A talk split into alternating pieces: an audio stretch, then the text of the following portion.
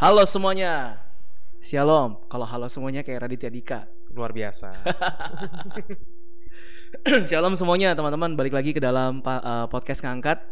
Uh, ini udah episode ke uh, zero satu ya dua, kesekian lah udahlah. tiga episode keempat uh, yang kita rekam tapi nanti kita mungkin uploadnya nggak tahu juga urutannya karena kita ada ada line upnya beberapa uh, narasumber-narasumber yang berbeda yang nanti uploadnya tergantung urutannya. Episode keberapa nggak tahu. Tapi hari ini cukup uh, cukup nyantai uh, karena hari ini nggak ada narasumber nggak ada bintang tamunya. Hari ini cuma gua dan juga ada teman gua yaitu Andri luar biasa. Andri GX Andri Guna Santoso. Makasih loh. Gimana Dri? Kabar lu Dri? Ini tanggal 25 Mei. Udah berapa lama nih kita Ini nih udah WFH hari sekitar hari ke-60 menurut kalender corona ya. Jadi menurut gue nih ke depannya nanti nih kalender kita nih bakal berubah lagi nih. Balik lagi ke tahun pertama menurut kalender corona. Rugi banget ya 2020 ya hilang Iya. gitu aja Kayak ini udah bulan Udah bulan Mei Udah akhir Mei Eh, Kita pertama kali WFH tuh Kapan ya? Eh, pertama 13 kali, 14 Maret gue inget 13, 14 13 Maret sampai ya. 15 Maret gue lupa lah sekitar itulah. Pertama kali Pak Jokowi ngumumin Kayaknya awal Maret ya Eh ini apa nih kalau PSBB-nya sendiri sih Pertama kali Covid beberapa minggu setelah setelah ini ya. Tapi kalau eh, yang positif itu sekitar 16 atau 17 Maret. Oh pertengahan Maret ya? Kok gue ingetnya Pertengahan Maret. Gue ingetnya awal Maret loh Dri Pertengahan Maret sih. Maret Apa gue salah ya? ya, Maret, gue lupa April, nih. Harus, kita harus cek lagi nih. Mei kayaknya awal deh kayaknya Oh, awal Maret Maret, ya, sih yang iya positif awal Maret ya. kayaknya soalnya gue ada ada satu kenalan yang by by pertengahan Maret itu dia udah kena kasus covid ini dan waktu itu eh, apa udah cukup heboh tuh iya gue yakin awal Maret soalnya teman gue itu tadi pertengahan Maret dia udah kena covid dan waktu itu udah cukup heboh kasus covidnya jadi Oh, kayaknya memang oke, awal oke, Maret deh jadi kalau dari awal Maret kita udah berapa Maret April Mei Wih udah tiga bulan ya Kacau dah. udah satu kuartal kita Jalan-jalan tiga bulan lah. Eh, orang, orang bentar lagi men. Kita seminggu lagi tuh udah tengah tahun. Udah iya, bulan iya, iya, 6. iya, iya, Juni tuh bulan 6 ya. Gue udah setengah, aduh setengah, Iya, iya. udah setengah Gue tahun tuh, gua tuh 2020. berpikir ya, gue tuh, gue tuh berpikir ya, apa 2020 kita sepakatkan saja nih secara global ya, kita hilangin aja dari kalender ya. Kalau gue waktu itu sepakatin gini, daripada kita misalkan setengah jalan nih, kuarter 4 atau awal tahun 2021 baru semua getting normal, mendingan satu semester atau satu periode dari pertengahan tahun 2020 sampai 2021 semua yang berbentuk periodical itu ditiadakan, which adalah sekolah ditiadakan periodenya. Luar biasa. semua yang satu satu periode periode gitu ditiadakan, dianggap skip lah, skip lah. Karena ribet nggak sih, ribet nggak sih nyusun sistemnya Iya, gitu. iya, iya, iya. By the time kita udah balik normal lagi kayak Thanos ya, Heeh. yang abis nge-step itu ya. jadi kas jadi kasihan juga wow kasihan juga yang mau wisuda gitu ya udah skip dulu setahun lah Untung bukan lu presiden ya. Untung bukan lu sekjen United Nations. wah Ngapain aja dari eh, kesibukan selama masa WFH ini corona. Lu lu kena gak sih apanya nih kenapa apa nih, corona? Ben? Wow oke for the record ya teman-teman ya ketika ketika patient zero patient zero yang terdeteksi bermain di uh, Amigos at that time gue ada di tempat dan ruang yang sama di Amigos Iya, ya iya, teman-teman gue ya. inget tuh, gue inget. jadi, jadi gue ini potensi sebenarnya Gue inget, gue inget. Tapi untungnya enggak, enggak kenapa-napa. Waktu itu juga cek ke puskesmas, puskesmas juga sangat-sangat ini apa ya Vaskes juga sangat-sangat apa ya sangat-sangat cepet banget tanggap Hmm. nelponin gue tiap hari Iya, iya, iya. datangin ke rumah gue ngasih apa sih termometer gun something untuk periksa dan gue laporan sampai 14 Ah, hari ke depan iya, jadi iya. sangat-sangat cepet dan gak kenapa-napa juga aman lah Puji Tuhan, puji Tuhan. gitu Waktu itu ya keadaan itu gue tuh gue udah mikir nih, wah si Andri ada di tempat itu ya di Amigos itu, terus kasusnya kan ada di situ kan, yang dua orang itu kan yang, yang itu. Terus gue pikir begitu si Andri ke gereja lagi, Waduh. minggunya. Terus gue bilang, waduh ini, ini kalau kalau gereja kena semua nih gara-gara Andri nih. aduh, Aduh, langsung lu kayaknya itu isolasi mandiri ya? Enggak juga sih enggak gue masih keluyuran Parah lo. Tapi waktu itu kita bener-bener nggak tahu banget ya kejadiannya sampai kayak sekarang. Maksudnya nggak kebayang ya orang tuh dari pertama kali kena di bulan Maret berita itu keluar. Karena sebelumnya gue inget semua pada bingung kan negara-negara pada bingung kok Indo tuh kosong kagak Iya, ada nggak nggak ada secara statistik sama sekali nggak ada yang kena terus kita pikir oh mungkin eh, memang matahari- memang belum aja ketahuan gitu. Iya iya. Yang lucu yang pas ngereka-reka itu loh, pas yang nggak taunya kan sebenarnya kan memang nggak dipublikasin kan. Hmm. Ada yang bilang karena negaranya panas lah, yang matahari bisa bunuh corona lah, gitu segala macam. Tapi anyway, kita sekarang udah sampai di bulan Mei dan eh mudah-mudahan dalam keadaan sehat ya teman-teman.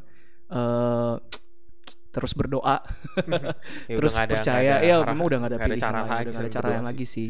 Mamanya Pak Jokowi bilang bener lah, emang mesti berdamai dengan keadaan sekarang gitu. Oke. Ya, ya kalau nggak berdamai lu susah untuk bisa move on kan. Lu susah untuk kayak bisa nerima ini realita dan lu mesti hidup dengan keadaan sekarang. Lu susah untuk kayak bisa jadi produktif gitu. Ya dalam ya, hidup gue juga gue juga ngerasa apa yang dilakukan pemerintah pada awal-awal itu sangat-sangat lalai lah gitu, kurang-kurang sigap gitu. Tapi Mm. ya mau gimana, udah terjadi iris what it is gitu. Makanya ya apa yang udah bisa kita lakukan kita lakukan sekarang lah. Ter- eh, apa ya, gue tuh ngerasa agak se- kesel juga sih ngelihat teman-teman tuh kadang-kadang suka marah-marah atau benci sama pemerintah Mm, gitu. mm, Ya mm. oke, mereka salah gitu awalnya. Gue juga setuju kita perlu mengkritik pemerintah. Tapi ya mau gimana, udah terjadi. Ya udah sekarang kita ngeliat ke depannya harus gimana gitu. Udah nggak perlulah kita benci sama masa lalu lah gitu.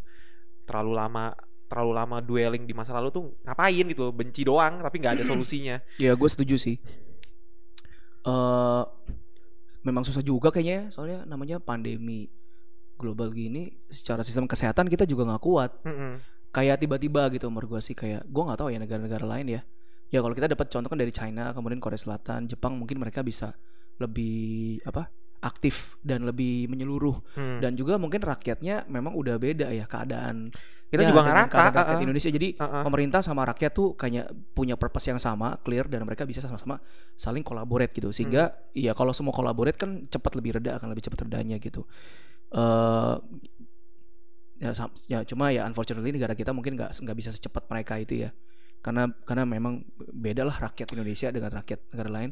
Orang Eropa juga orang Amerika orang Eropa juga mereka juga Ah, sama aja gak tuh. sepinter itu gitu maksud gua gitu loh. Sama mereka juga nggak sepeduli itu masih pada keluar keluar masih pada bikin party masih di pantai. Waktu itu gue lihat Mm-mm. negara mana yang waktu pas udah heboh corona tapi mereka masih ngumpul di pantai masih gue bilang kayak kayak nothing happens gitu. Wah akhirnya ya itu kan salah satu negara-negara yang parah ya Eropa tuh kenanya gitu.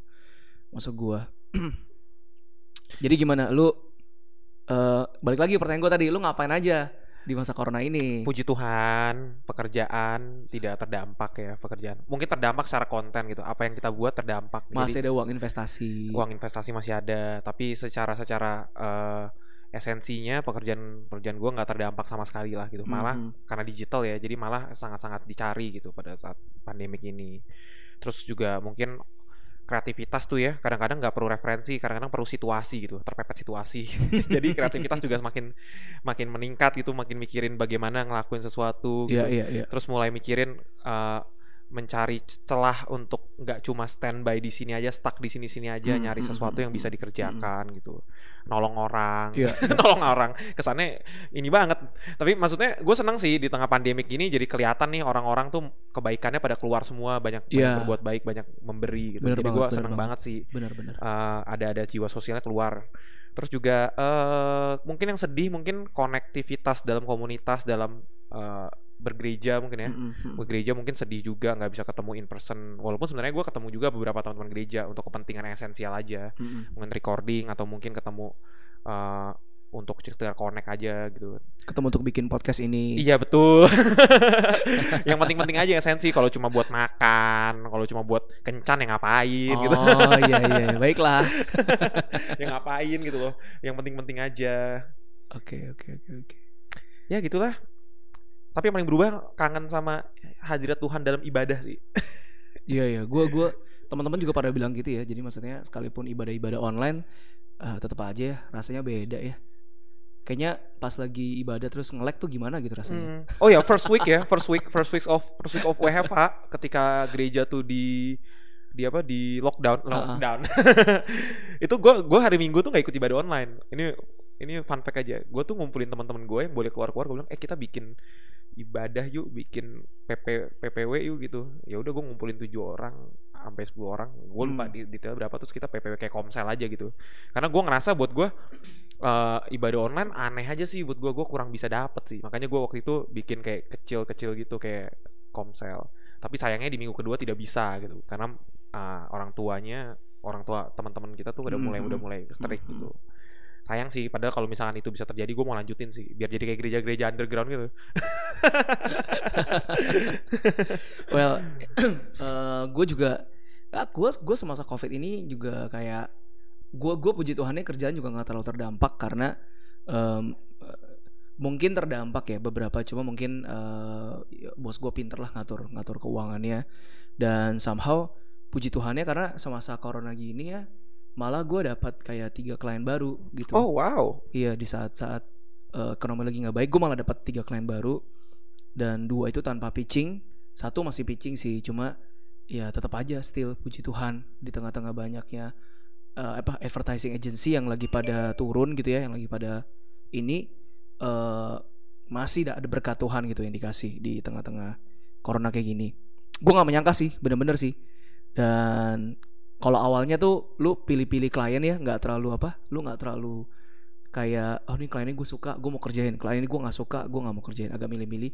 Sekarang di masa kayak gini lu lu menghargai lah setiap kerjaan-kerjaan yang masuk Betul betul. besar betul. ataupun kecil gitu. Ngelihat faktanya baik banget kan orang-orang juga di layoff. Bahkan ada beberapa yang sampai di cut off. Hmm. eh, cut off gajinya gitu jadi maksudnya dia ada yang sampai 50% di cut offnya gitu ada yang unpaid leave jadi ya udahlah lu nggak gua bacat tapi lu nggak gua gaji gitu. Masih ke register sebagai employee tapi lu di rumah aja gitu sampai sampai kita ada kerjaan lagi lu baru balik lagi gitu. Jadi kan itu berarti totally zero income gitu loh. Dan ya gue bersyukur sih masih dalam pekerjaan juga masih gitu ya. Eh, eh, meskipun orang tua gua eh, si bokap juga ngalamin penurunan banget dalam pekerjaannya jadi somehow biaya-biaya gua akan cukup eh, akan akan gua allocate gitu untuk untuk untuk alokasi ke papa juga ke bokap. Dan kebutuhan-kebutuhan rumah juga yang eh, yang terus berjalan gitu ya. Karena kan tetap tetap aja kan lu mesti tetap ada makan minum lu mesti tetap ada eh, personal care lu mesti tetap bayar listrik air dan sebagainya gitu. Asuransi juga tetap jalan gitu. Jadi ya ya puji Tuhan lah gitu eh di saat yang lain masih ini eh tapi masih ada pemeliharaan Tuhan. Tapi eh kita nggak boleh ngukur berkat dari itu juga ya. Maksudnya sekalipun ada teman-teman di sini mungkin bener-bener nih misalkan kena layoff banget gitu ya eh ya itu puji Tuhan juga gitu. Dalam segala sesuatu dalam segala sesuatu sesuatu eh kita tetap tetap eh, memberikan kemuliaan buat Tuhan. Karena pasti ada hal yang baik lah di balik itu semua gitu ya. Eh yang tadi nggak bisa masak jadi bisa masak ya. Wow. yang nggak bisa potong rambut jadi potong rambut. Yang nggak kepikiran apa tiba-tiba untuk bisa nyambung hidup eh, karena keadaan kayak gini ya ada ada kreativitas yang Tuhan taruh lah gitu ya ada keberanian sih gua rasa ya Wah itu benar Ya, banget sih. ada keberanian ya sih. karena mungkin sesuatu itu udah ada cuma mungkin dalam keadaan normal tuh ya nggak keluar aja nggak ke eject gitu loh tapi sekarang begitu udah ada jadi kelempar keberanian itu jadi lebih keluar gua kadang-kadang berpikir eh, sedih sih ngelihat Hmm. teman-teman kayak banyak yang cerita kan di grup sekuler gua kayak mereka kena layoff ini, iya. jadi cerita Hmm, aduh hmm, bingung terkendala usahanya segala macem gitu. Gua bu- again bukannya tidak ada empati gitu, tapi kalau misalkan ditarik ke diri gue sendiri apa sih yang terjadi di hidup gue gue Mm-mm. malah ternyata it takes corona or it takes pandemic untuk Yes. membuat gue jadi banyak ngelakuin sesuatu dan eh, buat gue pribadi gue nggak pernah menyangka gitu ah gue akan ngelakuin ini dan ini untuk butuh pandemik gitu untuk sampai gue ngelakuin ini gitu. Gue Mm, ngerasa banyak hal yang gue lakukan sangat amat produktif ketika di corona dibanding gue waktu reguler gitu. Mm-mm, mm-mm. dan dalam kutip produktif tuh nggak cuma di pekerjaan tapi juga di pelayanan gitu. Gue nggak tahu ya ini gue sih bilangnya pelayanan ya. Pelayanan buat gue selama lu bisa ngasih berkat ke orang lain as in apa pun materi non materi bikin mereka ngerasa terbantu gitu dan lu bisa menunjukkan karakter Kristus mm. buat gue itu pelayanan sih gitu. Jadi nggak harus nggak harus dalam bentuk sesuatu yang benar-benar spiritual dan macam-macam gitu kadang-kadang gue berpikir pengen gitu loh berbagi sesuatu gitu di tengah pandemi kayak lu Nov gitu bisa sharing gitu bisa Hmm. bagi ke Hmm. anak-anak muda lewat hmm. ibadah youth bisa mungkin bisa PPW segala macam gitu Iya, gue iya. pengen kayak gitu Iya, iya. cuma padahal sebelum corona tuh lagi senang-senang ya loh kan gue baru pelayanan musik balik lagi gitu. eh corona ya gimana dong gitu tapi ternyata menarik sih ternyata memang Tuhan izinkan izinkan ini again ya gue tidak mendiskreditasikan kesannya gue tidak empati terhadap orang-orang yang terkena dampak gitu. Tapi Ah, buat gue ah, pribadi gue menjadi banyak sesuatu yang gue dapat gitu. Ternyata Iya, gue per- perlu dikasih begini untuk bisa jadi terang gitu loh ke banyak Iya, orang iya, gitu loh. Bener-bener banyak cerita lah gitu. Nantilah kita bahas. Sebenarnya ngomongin masa pelayanan yang tadi lu bilang eh, pengen jadi dampak berkat justru di masa-masa kayak gini eh, nggak tahu gue gue gue semasa masa-masa corona gini juga berusaha untuk lebih aktif dan produktif. Meskipun sekarang seolah-olah lebih terpenjara ya, lebih Hmm. terbatas. Iya betul. Lebih terbatas banget lah koneksi ketemu orang semua lebih terbatas. Cuma sebisa mungkin dalam keterbatasan itu kita menjadi orang yang gak terbatas gitu. Sebisa mungkin sekalipun kita ada limitasi-limitasi, tapi eh, kita tahu bahwa ada teknologi kan yang bisa membantu kita Iya, untuk betul betul. eh, apa matahin semua barrier-barrier yang ada. Sekalipun memang nggak ada yang eh, menggantikan physical connection gitu kan. Tapi eh, kita adanya ini ya kita pakai dengan apa yang ada juga sih. Gue gue melihat ya em, dalam masa-masa corona kayak gini eh, ada beberapa hal yang gue pelajarin ya dalam, dalam, dalam, dalam kaitannya dalam konteks pelayanan ya pelayanan di Hmm. masa-masa corona kayak gini masa-masa psbb yang pertama mungkin gue melihat motivasi. Jadi karena sekarang kita semua tuh eh, gereja tuh nggak berjalan seperti biasa gitu ya semua jadi pindah ke online. Kemudian juga eh, akibat dari gereja pindah ke online adalah kegiatan-kegiatan eh, ibadah raya hari minggu dan non ibadah raya lu tau kan kayak pertemuan-pertemuan Iya iya. eh, wani- khusus wanita lah, eh, pertemuan-pertemuan khusus pria lah, pelayanan-pelayanan yang lebih segmented, lebih khusus, otomatis itu semuanya tuh jadi non aktif gitu. Atau jadi berkurang banget skala apa? Jadi jadi minimal banget gitu loh. Karena mungkin secara resource, secara apa? Secara teknologi, secara segala sesuatu tuh eh, gereja mungkin infrastruktur dan SDM-nya nggak siap untuk bisa mende untuk bisa mendeliver itu semua eh, dipindah dalam bentuk online, Online. gitu sehingga Ya. itu semua jadi berkurang. Paling ibadah raya hari Minggu dan sekolah Minggu mungkin ya yang yang yang gereja tuh masih berusaha untuk mempertahankan tiap minggunya. Sekalipun kalau kita ngomong di daerah-daerah banyak juga yang kasihan banget sebenarnya yang yang literally mereka nggak bisa karena mereka nggak ada resource, nggak ada orang, nggak ada infrastrukturnya dan mungkin sinyal juga nggak terlalu bagus di sana gitu Oh ya. iya iya iya. Jadi eh, banyak banyak udah gitu keuangan juga pasti menurun kan karena persembahan menurun gitu. Jadi memang nah cuma gini, gue ngelihatnya untuk para orang-orang yang melayani khususnya yang tiap minggu itu sering melayani entah itu jadi pengkhotbah atau itu mungkin jadi WL yang menerima PK gitu ya persembahan kasih gitu. Eh, di masa-masa di mana eh, jadwal semua tiba-tiba berkurang, gue ngerasa motivasi dia untuk melayani itu bener-bener diuji. Jadi maksud gue gini, mungkin ada beberapa selama ini tuh eh, melayani itu karena PK, melayani itu karena uang gitu loh. Jadi eh, motivasi mereka tuh yang bikin mereka semangat waktu mereka melayani adalah amplop itu tadi gitu loh. Eh, meskipun PK itu kan sebenarnya sebenarnya itu eh, adalah tanda bahwa kita tuh appreciate eh, preparation yang lu buat, kita appreciate bahwa lu tuh udah eh, menyampaikan apa yang jadi tugas lu pelayanan gitu kan Hmm. beberapa beberapa kalau gue pribadi tuh gue selalu eh, mengartikan PK tuh sebagai uang makan sama uang transport basically. Jadi lu punya skill lu punya jasa lu punya lu punya hikmat lu punya apa tuh sebenarnya itu itu free. Karena itu firman Tuhan atau lu, lu lu adalah kemampuan yang Tuhan berikan untuk jadi berkat buat gereja. Tapi lu datang ke gereja lu perlu makan lu perlu transport supaya lu kuat dan lu supaya lu nyampe gitu loh.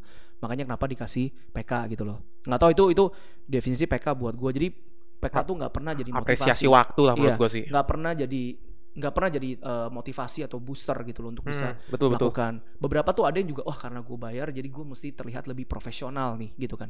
Mungkin dulu tuh kita mikir kayak gitu gitu. Kalau gratisan kita jadi nggak usah terlalu prepare atau nggak usah terlalu apa gitu kan. Kan itu kan pikiran yang salah kan Nah, tapi sekarang gue lihat ya eh, balik ke masa corona kayak gini, di mana jadwal pelayanan yang punya PK itu berkurang drastis semuanya. you know, secara kuantitas juga berkurang drastis. Gue nggak tahu apakah kalau pelayanan online gereja masih sumbang PK, menilai gereja juga banyak keuangannya yang menurun juga gitu. Iya iya iya. ya entah itu menurun drastis, entah itu jumlah PK-nya berkurang secara secara jumlah, secara amount gitu ya. Gue ngerasa eh, motivasi orang-orang yang melayani itu diuji. Diujinya gini, apakah dalam keadaan di mana sekarang PK udah nggak seperti sebelumnya, lu masih bisa berkarya, lu masih bisa produktif, lu masih ada hati untuk lu kalau lu khotbah, lu tetap bikin-bikin sharing, lu tetap bikin bahan-bahan, sekalipun lu merasa eh, yang denger lebih dikit mungkin ya, iya. lu mungkin merasa eh, ya gue juga mungkin nggak dibayar gitu Hmm, nggak seperti betul. PK biasanya tapi lu bener-bener ada semangat gitu ada hati untuk lu bisa eh, bikin eh, bahan-bahan khotbah lu. Atau kalau lu WL misalkan lu tetap berusaha untuk melayani orang-orang sekalipun gak ada ibadahnya. Lu mungkin ngerekam lu mungkin pre-recorded lu mungkin coba untuk bawa hadirat Tuhan gitu loh ke orang-orang yang bisa connect dengan lu secara online. Sekalipun lu tahu nggak ada orang yang donate ke lu gitu loh maksud gue karena kan sebenarnya kan itu adalah dasar dari kenapa kita pelayanan kan maksud gua gitu. Nah gua ngelihat inilah eh, motivasi yang kayaknya sih benar-benar keuji ya selama masa kita eh, corona. Jadi kalau misalkan kita lebih lebih tidak produktif atau lebih tidak berkarya lebih tidak eh, dalam konteks pelayanan ya kita jauh eh, hampir hampir nggak ada sekali yang yang kita lakukan karena alasannya nggak ada orang yang dengerin atau misalnya nggak ada apa itu kita perlu cek kita perlu cek hati kita. Sekalipun ada masalah infrastruktur teknologi dan sebagainya tapi kan lu tahu ya teman-teman kita kan tahu nih motivasi kita dalam hati kita masing-masing itu seperti apa gitu. Kalau lu seorang ketua youth atau lu seorang ketua komsel atau lu seorang yang mungkin biasa bagiin firman atau biasa yang menerima amplop tersebut. Sekarang di masa-masa gini di mana nggak ada lagi amplop itu. Apakah lu masih tetap semangat atau pertanyaan lu lebih semangat Hmm. untuk untuk memberitakan apa yang udah memang menjadi tugas lu gitu sehingga dari semangat lu lu malah bisa bikin banyak hal sekalipun tanda kutip ya gratisan sekalipun gak dibayar. Sekalipun mungkin ya orang juga lagi susah. Mungkin ya orang mau bayar juga susah. Iya, iya, gereja juga mungkin bisa susah.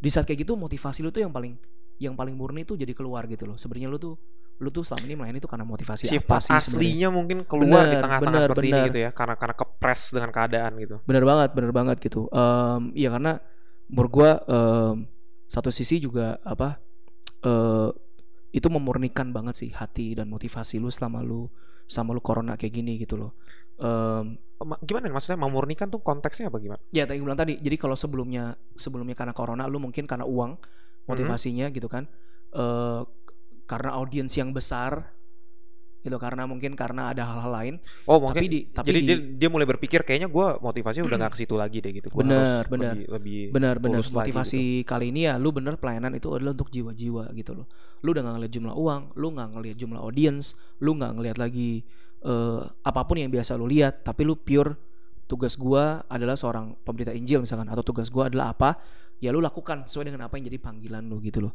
Eh, maka Tuhan tuh akan bekerja lewat situasi situasi kayak begini. Em, nggak tahu ya itu itu itu sih yang gua yang gua pelajarin ya teman-teman. Mengenai masalah uang juga ya kalau ngomongin masalah uang ini juga menarik loh. Karena gereja lebih eh, berkurang secara dia punya operasional dan dia punya fungsionalnya tapi gereja-gereja yang masih berusaha melakukan secara online itu mereka masih punya karyawan-karyawan yang Iya, mereka iya, tuh iya. harus hidup Eh, mereka tuh harus mengerjakan you know eh, do the broadcasting eh, do the shooting dan sebagainya. Masih ada orang-orang yang mikirin materi yang mesti dibagikan gitu. Karena perpindahan shifting ke online ini kan untuk gereja yang mungkin sebelumnya nggak biasa. Itu Ya. mungkin yang udah biasa aja tuh agak kerepotan gitu. Apalagi mungkin yang selama ini belum terbiasa menggunakan online platform untuk eh, menyampaikan dia punya pelayanan. Tiba-tiba sekarang 100% nih bukan cuma 99% loh. Ini 100% semuanya mesti kayak berubah. Nggak bisa langsung transisi yang pelan-pelan gitu. Sehingga gua ngelihat gereja pun juga banyak orang-orang yang berkorban sih yang sacrifice gitu untuk bisa melangsungkan kegiatan hari Minggu gitu. Nah ada full timer full timer yang tetap melayani dalam keterbatasan mereka. Gue pikir mereka juga butuh salary gitu mereka juga butuh penghidupan karena mereka juga ada anak mereka juga ada keluarga kayak gitu loh. Ada orang-orang eh gue lihat selain itu ya eh, ada juga orang-orang yang dibantu lewat pelayanan gereja. Ya orang-orang covid gereja juga bantu kan mereka Hmm, juga donate mereka juga apa. Jadi gue pikir ya eh, kita sendiri pun ya sebagai eh, sebagai orang-orang maksudnya sebagai anggota gereja kita pun tetap harus memberi ke gereja karena gue lihat ini salah satu alasan logis banget deh untuk lu tidak memberi ke gereja masa-masa sekarang lu ngerti kan maksud gue Iya iya iya. akan sangat acceptable sekali gitu. Lu lu tidak memberikan perpuluhan, lu tidak memberikan persembahan. Karena lu punya alasan gereja nggak beroperasi seperti biasa. Lu mungkin ya lu biasanya ikut kegiatan-kegiatan sekarang lu nggak ikut. Lu ini punya alasan untuk lu tidak memberi ke gereja. Padahal sebenarnya yang gue bilang tadi itu, gereja tuh juga masih ada orang-orang yang berusaha untuk eh, membawa gereja masuk ke dalam rumah lu Iya, betul, dengan betul. online dan gereja juga punya pelayanan-pelayanan misi untuk dia bisa bantu orang-orang lain gitu sehingga sebenarnya kita pun juga terbantu dengan adanya si apa dengan gereja ini untuk bisa juga memberi gitu loh jadi maksud gua eh, teman-teman kalau misalkan sama ini mungkin mengurangi nih jumlah perpuluhan gitu ya padahal income masih ada terus kemudian teman-teman mungkin eh, jadi tidak memberikan persembahan lagi mingguan ke gereja karena mungkin berpikir gereja gua nggak function secara secara secara mingguan gue udah nggak terlalu terlibat aktif gitu loh Atau dia nggak menerima fasilitas yang harusnya Iya, dipakai benar, karena benar. dia bayar perpuluhan kan gitu. Benar, kan. benar. Jadi Iya, dia gua- nggak ada beban untuk Benar. memberi. kalau misalkan teman-teman lihat bahwa gerejanya aktif dalam memberi dalam menolong orang-orang di luar ataupun sesama jemaat ya yang memang juga mungkin ada yang terdampak ya karena gereja kan fokusnya mungkin nggak cuma di luar tapi di dalam jemaat-jemaatnya sendiri kan itu kan juga jiwa. Itu kan juga mungkin ada yang terdampak Iya kan. iya iya. mungkin gereja juga alurin eh, alokasi dana juga untuk bantu sesama ada yang di dalam kayak gitulah. Nah teman-teman eh gue pribadi punya pandangan ya kita tetap harus memberi sih. Kita tetap Iya, harus ya sesuaikan aja dengan keadaan yang ada dengan dengan keadaan keuangan tapi kita mesti tetap mendisiplinkan kita punya apa kita punya pemberian gitu loh. Jadi kita memberi juga adalah langkah iman kan. Bukan karena keadaan lagi sulit gini lalu kita kurangin banyak banget kita pemberian kita lalu ada yang sama sekali absen kita nggak memberi tapi justru dalam keadaan kekurangan kayak begini ini langkah iman kita gitu untuk bisa memberi gitu. Jadi sih kan motivasi memberi juga diuji sebenarnya gitu. Iya iya. iya. Tapi gue masa-masa malah malah keliat menurut gue ya ini akan akan eh, nggak tahu ya ini pandangan gue pribadi ya gue malah melihat secara secara materi gereja tuh tidak akan tidak akan kekurangan dalam tanda kutip kekurangan adalah tidak akan mungkin ada ya mungkin kalau Mm-mm. gereja-gereja kecil paling berdampak banget tapi ya kita ngomong gereja yang menengah lah gitu tidak akan kekurangan sih menurut gue kenapa karena akan seleksi alam aja sih. Orang yang pada dasarnya memang malas memberi memang mungkin tidak akan memberi sama sekali. Tapi orang yang memang punya hati memberi atau tiba-tiba di- dikasih Tuhan atau Roh Kudus gerakan untuk memberi akan jadi lebih banyak lagi gitu. Mm, mm. akan lebih tergerak lebih banyak lagi untuk Hmm, ngasih gitu. hmm. karena ini ada saat yang tepat gitu. Iya. jadi orang yang punya belas kasihan akan mulai bergerak. Karena gue sendiri salah satu orang yang sebenarnya ya gue pribadi tuh tipikal yang kalau ngasih ke gereja tuh seadanya aja gitu. Oh gue adanya segini ya udah gitu dengan keadaan sekarang gue jadi lebih pengen ngasih gitu somehow. I don't know why gitu. Mungkin digerakkan aja gitu karena gue ngerasa eh, dengan gu- gua juga ada uang sekarang banyak juga buat apa apa yang mau gue lakukan gitu. Gue memperkaya Hmm. diri nggak bisa maksudnya oke tujuan orang memperkaya diri kan pada akhirnya kan hedon ya Mm-mm. ingin ingin menikmati sesuatu sekarang di tengah Mm-mm. pandemi gini gue mau nikmatin apa gitu jadi Iya.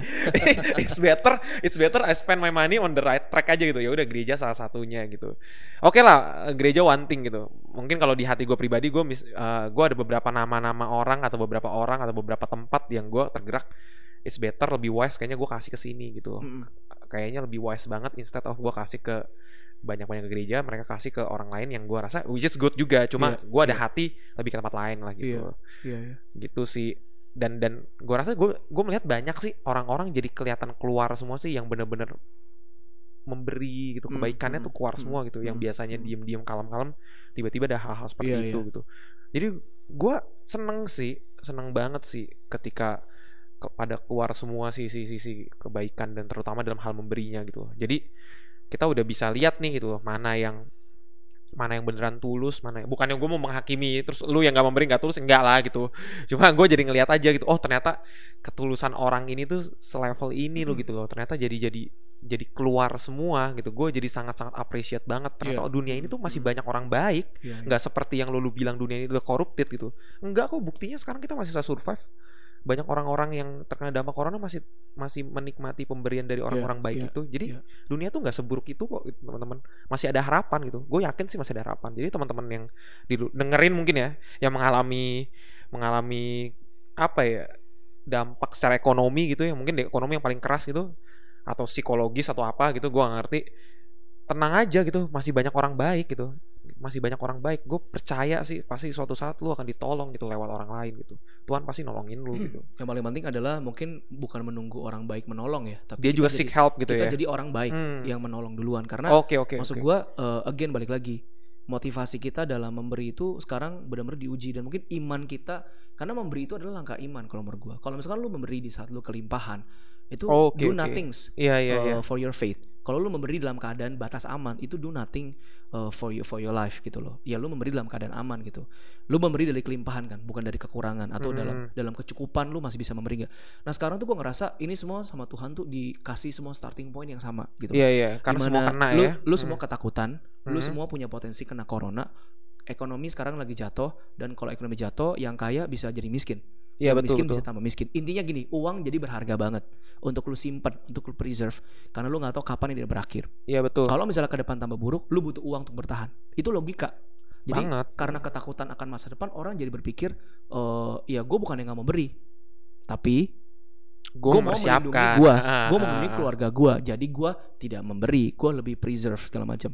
Nah itu kan pikiran-pikiran manusia, hitung-hitungan manusia, which is ya bener. ya kita nggak salah juga Gak gitu. salah karena kita dikasih hikmat ya memang lu mesti bisa alokasi dengan baik gitu loh. Cuma waktu kita mengalokasikan budget keuangan keuangan yang ada, kita mesti eh, menentukan budget di mana kita memberi, mengalokasikan dana untuk kita mendonate eh, perpuluhan, persembahan, memberi orang-orang yang membutuhkan itu. Di situ kita diuji iman kita. Lu bener-bener di masa gini mau memperbesar alokasi budget lu atau enggak? Nentuin budget itu peperangan rohani kalau menurut gua. Parah sih. Nentuin budget itu waktu lu ngetik budget itu kalau teman-teman ada yang nentuin budget gitu ya saya tiap bulan eh, tentuin budget-budget yang saya mau dikasih per puluhan per sebulan itu udah pasti. Kemudian budget-budget seperti orang tua untuk operasional sehari-hari makan internet dan lain sebagainya. Nah sekarang ada pos baru nih ada pos baru yaitu untuk memberi. Karena kita tahu bahwa you know ekonomi juga mesti muter. Iya betul. Ekonomi juga mesti muter gitu supaya uang itu juga bisa tersebar ke orang-orang yang membutuhkan kayak gitu loh. Menurut gue ini adalah satu sisi adalah tindakan hitung-hitungan pikiran manusia bener, tapi sisi lain yang di atas adalah ini adalah langkah iman sebenarnya. Lu saatnya lu membuktikan bahwa ya pendapatan lu, kesejahteraan lu dalam hal ini ngomongin uang ya, itu datang dari Tuhan.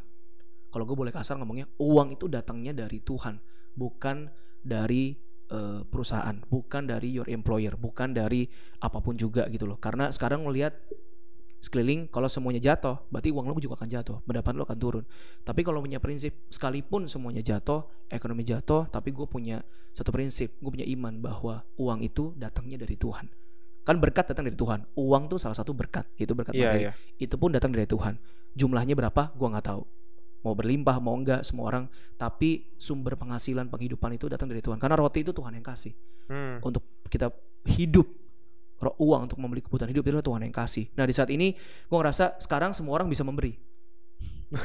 ya ngerti nggak maksud gue? Sekarang Iya, iya. dengan dengan keadaan ini di di di di di di di, di level semua diratain sama Tuhan gitu. iya iya semua iya. orang bisa memberi. Lu bisa memberi esin simple ke tukang mie tek-tek depan rumah lu yang lagi sepi orderannya. Lu bisa memberi mungkin eh, tips lebih kepada eh, apa lah orang-orang ojek kecil online yang, lah yang gitu. iya, ojek online yang lu ketemu dan sebagainya. Lu bisa lebih memberi, lebih peduli gitu loh. Jadi eh, selama ini mungkin memberi memberi pengajaran dari firman Tuhan dari gereja selama ini ya kita cuma numpang lewat doang. Tapi sekarang kita actually we have an we have a real people iya kita iya. punya orang-orang yang depan mata kita yang dan sebenarnya gampang banget memberi itu sekarang Iya. jadi gampang banget dan dan ini menurut gue nih saat yang tepat untuk untuk apa ya? Banyak keluhan kan zaman dulu. Gimana ya cara memperkenalkan karakter Kristus Hmm. di depan orang sekuler gitu? Kadang-kadang mereka nganggap kita eh, ya susah gitu masuknya gitu. Nganggap kita nanti terlalu rohani terlalu kristenisasi. Iya. padahal menurut gue ya udah kalau itu memang keluhan lu nih gue kasih nih platformnya. Dengan lu memberi lu akan menunjukkan karakter Kristus banget sih gitu. Ini ini ada cara cara yang paling tepat gitu menurut gue sekarang itu cara yang paling tepat untuk menunjukkan bahwa kita itu benar-benar eh, anaknya Tuhan Yesus Benar, gitu. benar. kita benar-benar muridnya Yesus kita tuh benar-benar hidup dalam firman mempraktekkan firman Tuhan gitu. benar benar benar Jadi banget, kita benar bener bener-bener bisa sekarang saatnya untuk kita ngasih tunjuk. Ini loh orang Kristen tuh yang benar seperti ini loh orang Kristen sejati loh. Kita tuh bukan agamis, bukan cuma sekedar liturgis saja, tapi kita benar-benar keluar eklesia kan ditarik keluar gitu kan. Iya, setuju, setuju. Ya kan. Ini saat yang tepat gitu. Jadi kalau teman-teman memang punya hati untuk melayani, ingin menunjukkan Kristus itu ke teman-teman di luar ya ini saat yang paling Iya, tepat. iya. Sangat sangat tepat. Gue tidak menemukan lagi ini. Ini ibarat kalau 4P ya semuanya udah ada nih. Iya, benar banget sih. Gue ngerasa jadi sangat mudah banget untuk memberi sekarang. Dan lu mau cari orang yang diberi banyak banget yang lu bisa cari. Dan Gampang dan banget gak ketemunya. pusing kalau dulu kan Iya, ke- iya. kendalanya kan aduh gue takut kalau memberi ini nggak bijak nanti dipakai buat yang enggak enggak sekarang enggak semua sekarang butuh iya, betul, betul, betul, betul. Jadi memang sekarang fokus eh, pelayanan sekarang benar-benar eh, benar-benar straight atau direct ke jiwa-jiwa sih. Direct ke people. Jadi Hmm. pelayanan tuh balik lagi eh, ke P yaitu people, ke orang-orang gitu. It's all about people dan bagaimana kita bisa memenuhi kebutuhan orang-orang yang ada gitu loh. Eh, baik ya secara sisi kerohanian maupun secara sisi jasmaninya juga yang mereka butuhkan gitu. Bagaimana gereja bisa jadi jawaban untuk orang-orang yang memang membutuhkan gitu. Hal lain dalam masa corona gini ya yang gue pelajarin ya, eh, gue ngerasa ini kan kita dipaksa ya suka nggak suka untuk stay di rumah nih. Kita dipaksa untuk nggak bisa ke mana-mana, kita nggak bisa sebebas seperti dulu. Gue ngerasa ya tujuan dari segala tujuannya lah sebenarnya kita kita lagi nggak tahu Tuhan tuh kayaknya lagi pengen spend time lebih banyak sih sama kita sih on a personal level ya secara pribadi ya gue ngerasa em, ya lu tau lah sibuknya kayak gimana sih eh, before corona kan susah gitu untuk rumah tuh mungkin jadi transit gitu. Em, pergi pagi pulang malam gitu apalagi buat eh, orang-orang yang memang apa banyak tugas di kampus di sekolah atau orang-orang yang kerja yang persu karir gitu maksud gua rumah tuh jadi kayak transit aja sehingga hubungan lu sama Tuhan itu mungkin juga cuma pas lu komsel dan pas lu gereja gitu. Tapi nggak ada nggak ada hubungan oh, personal gitu loh. nggak ada hubungan lu nggak ada waktu. Kan indikasi lu punya hubungan personal dengan orang adalah lu spend time Hmm. waktu sama dia kan. Alokasi waktunya Alokasi lah waktu itu gitu. jelas banget. Itu the first uh, sign gitu. Kalau lu tuh ada hubungan khusus dengan orang itu adalah lu ada waktu-waktu tertentu dengan orang itu, lu relasi. Gue pikir sama dengan Tuhan gitu loh. Jadi gue ngerasa ya uh, global pandemic ini gue nggak bilang bahwa ini adalah cara yang Tuhan pakai untuk uh, buat kita tuh ini cara untuk Tuhan tuh menghukum kita gitu ya dan sebagainya. Uh, I leave that to the theologians. Tapi dalam keadaan kita di rumah kayak gini, sebenarnya kita uh, Tuhan tuh mau sebenarnya kita tuh lebih mendekat sama Dia sih untuk kita bisa jalin hubungan yang lebih intimate dengan Tuhan. Itu sih yang gua ngerasa ya. Maybe itu kayak klasik dan klise tapi pernah nggak sih lu ngerasain kayak uh, lu satu jam uninterrupted di rumah lu nggak diganggu, lu bisa fokus baca Alkitab dan lu keluarin pen and paper gitu ya. Lu nyatet apa yang lu dapat, lu berdoa, lu bener merenungkan gitu satu jam. Masuk gua mungkin sebelum covid itu salah satu bentuk kebiasaan mungkin orang nggak jarang banget untuk melakukannya gitu loh. Doa cuma sekedar doa saat teduh tuh eh, sambil jalan gitu atau sambil di kereta gitu. Atau pas udah sampai ke meja kantor lu datang lebih early kenapa? Iya gue mau saat teduh di kantor. Ya tapi lu se early earlynya datang kantor lu lu nyampe saat teduh di kantor seberapa lu bisa fokus? Settingannya udah settingan kerja bro Iya, soalnya. iya. lu Situasinya iya settingan udah ah. settingan kerja dan sebagainya gitu kan. Gue nggak tahu seberapa nyaman lu punya kantor ya. Gue nggak tahu juga tapi I think mostly namanya saat teduh namanya lu lu relate dengan Tuhan on a personal level lu butuh excluded time lu butuh satu time and space gitu loh untuk lu bisa private dengan Tuhan dan lu bisa dengar suara dia secara pribadi. Karena itu kan adalah fundamental dari semua apa kekristenan kita. Lu mau orang lahir baru lu yang baru pertama kali kenal atau lu udah 20 tahun pelayanan gitu lu itu tetap fundamental gitu dalam kehidupan kekristenan kita. Lu mau satu dua malam lu mau satu dua pagi terserah. Yang penting lu spend time sama Tuhan lu PP lu praise and worship lu baca firman gitu ya. Eh, lu bener-bener berdoa lu bener-bener kayak relate sama Tuhan gitu loh. Kayak orang pacaran gimana sih spend time kan? Nah ini gak kita relate sama Tuhan. Itu sih mungkin yang Tuhan tuh benar-benar karena gue ngerasa ya di masa-masa gini gue yakin Tuhan tuh kayak kasih rem kasih break gitu. Untuk kita tuh bisa berhenti dan kita benar-benar aware dengan hidup lu sekarang apa yang terjadi Oh betul banget. apa yang benar apa gua. yang salah apa yang bisa Iya, iya. ditingkatin Tuhan tuh pasti mau ngomong banyak terlalu banyak gue rasa Tuhan yang yang Tuhan tuh bisa ngomongin ke dalam kehidupan kita secara pribadi which is yang adalah udah already unik dan berbeda dengan tiap-tiap orang gitu loh sehingga gue ngerasa sayang nih kalau corona eh, Tidak badai dia- ya, waktunya tidak digunakan waktunya dengan digunakan ini ya. karena kan Hmm. badai datang untuk pergi waktu dat- badai udah pergi pertanyaannya kan apakah lu jadi jadi pribadi yang lebih mengenal Tuhan di masa-masa kayak gini dan masa-masa ngerem gini ya masa-masa break begini masa-masa pit stop begini ini kan gak akan selama lamanya gitu. Masa-masa gini kan akan berakhir. Tapi lu mesti bisa use dengan baik supaya Tuhan tuh punya waktu untuk Tuhan tuh bisa ngomong sama kita gitu loh. Gua ngerasa ya misalnya contoh ya em, Alkitab deh perjanjian baru. Itu semua kitabnya rata-rata ditulis di mana? Di penjara. Penjara itu apa? Lu nggak bisa ngapa-ngapain. Oke oke. Itu udah saat yang tepat untuk betul. lu I think it's a good analogy gitu loh. Eh, it's a, it's a similar environment. Kita Iya, juga iya, iya, iya. tanda kutip kan terpenjara di rumah. Kita juga nggak bebas. Kita juga nggak bisa ngapa-ngapain. Kehidupan lo ya ya esensial aja ya kan? Makan minum tidur ya sama keluarga nonton entertainment sedikit ya gitu lagi. The the, the uh, piramida Maslow-nya dari atas aktualisasi diri pindah ke bawah langsung. Yang paling bawah langsung. Itu yang membuat lo hidup. Dan ya ternyata hidup hanya perlu itu untuk lo bisa hidup lu nggak perlu hingar-bingar lu nggak perlu bunga-bunga gitu. Iya iya. Hidup tuh murah gaya hidup yang mahal. Bener, bener, bener banget dan dan di saat-saat kayak gini lu jadi lu jadi kayak berpikir ulang gitu tentang hidup tuh seperti apa dan ini Iya, saat yang tepat banget. sih untuk lu bisa setuju banget. lu bisa kayak ketemu Tuhan lu kayak merenungkan firman gitu kalau kitab-kitab perjanjian baru adalah dasar-dasar dari kekristenan kita dari semua itu kebenaran Tuhan. Itu ditulisnya dalam penjara bukan dalam rumah mewah gitu. Bukan Iya, dalam iya, keadaan iya. yang nyaman atau kelimpahan atau kebebasan. Itu semua ditulis dalam keadaan lu terbatas. Bahkan itu ditulis dalam keadaan sakit. Itu yang nulis tuh abis digebukin itu. Yang nulis itu abis berdarah berdarah itu. Itu itu itu nulis itu udah matanya sembab. Nggak bisa itu habis. Tapi mereka bisa tulis kebenaran. Ada satu pewahyuan yang Tuhan kasih di saat-saat lu merasa lu lagi sendirian lu lagi terbatas kayak gitu loh. Makanya dalam hal ini gue ngerasa orang introvert punya head start lah. Wow. Itu secara natural ya orang extrovert kayaknya mau, mau pergi mau apa gitu segala macam Wah, gila sih. ngerasa gue ngerasa kayak ya mekanisme copingnya kan beda ya. Kayak Iya, lu iya. misalkan lu kan ekstrovert tuh mau ketemu orang dan sebagainya. Gue lebih karena introvert, gue cukup nyaman. Masa sih Nov? Gue Ya gue ambivert lah. Gue gue gue gue ketemu gue gak orang. percaya sih. Gue ketemu orang gue kuat gitu ya. Apa gue sendiri gue juga bisa tarik ke kekuatan. Tapi maksud gue dalam hal ini kalau lu relate sama Tuhan, eh, memang nggak bisa ada third party sih bro ya. Susah ya. Tapi buat gue ya, buat gue ya, eh eh gue mengerti sih, mengerti sekali sih yang namanya kita perlu menyendiri, perlu perlu apa, perlu ada waktu make time untuk Tuhan segala macam. Kalau mau introvert, extrovert juga perlu. Tapi juga ada kalanya lu perlu socially connect juga gitu, loh, ketemu orang dan segala macam. Jadi sebenarnya menurut gue ini kalau kita ngomongin extrovert introvert ya, kita semua punya punya kekurangannya masing-masing. Iya. Eh, untuk orang extrovert kayak gue mungkin kita perlu waktu untuk sendiri untuk kita bisa merenungkan firman Tuhan lebih dalam lagi lebih intens lagi meanwhile untuk introvert juga sebenarnya tidak boleh menurut gue pribadi mereka salah juga kalau mereka terlalu banyak merenung tapi tidak connect dengan orang setuju, setuju. setuju. menurut gue semua punya porsinya masing-masing punya sesuatu yang mereka harus lakukan setuju, setuju. puji Tuhan gue dari dulu memang memang sangat eh, apa ya menghargai yang namanya tuh kesendirian orang gitu Hmm.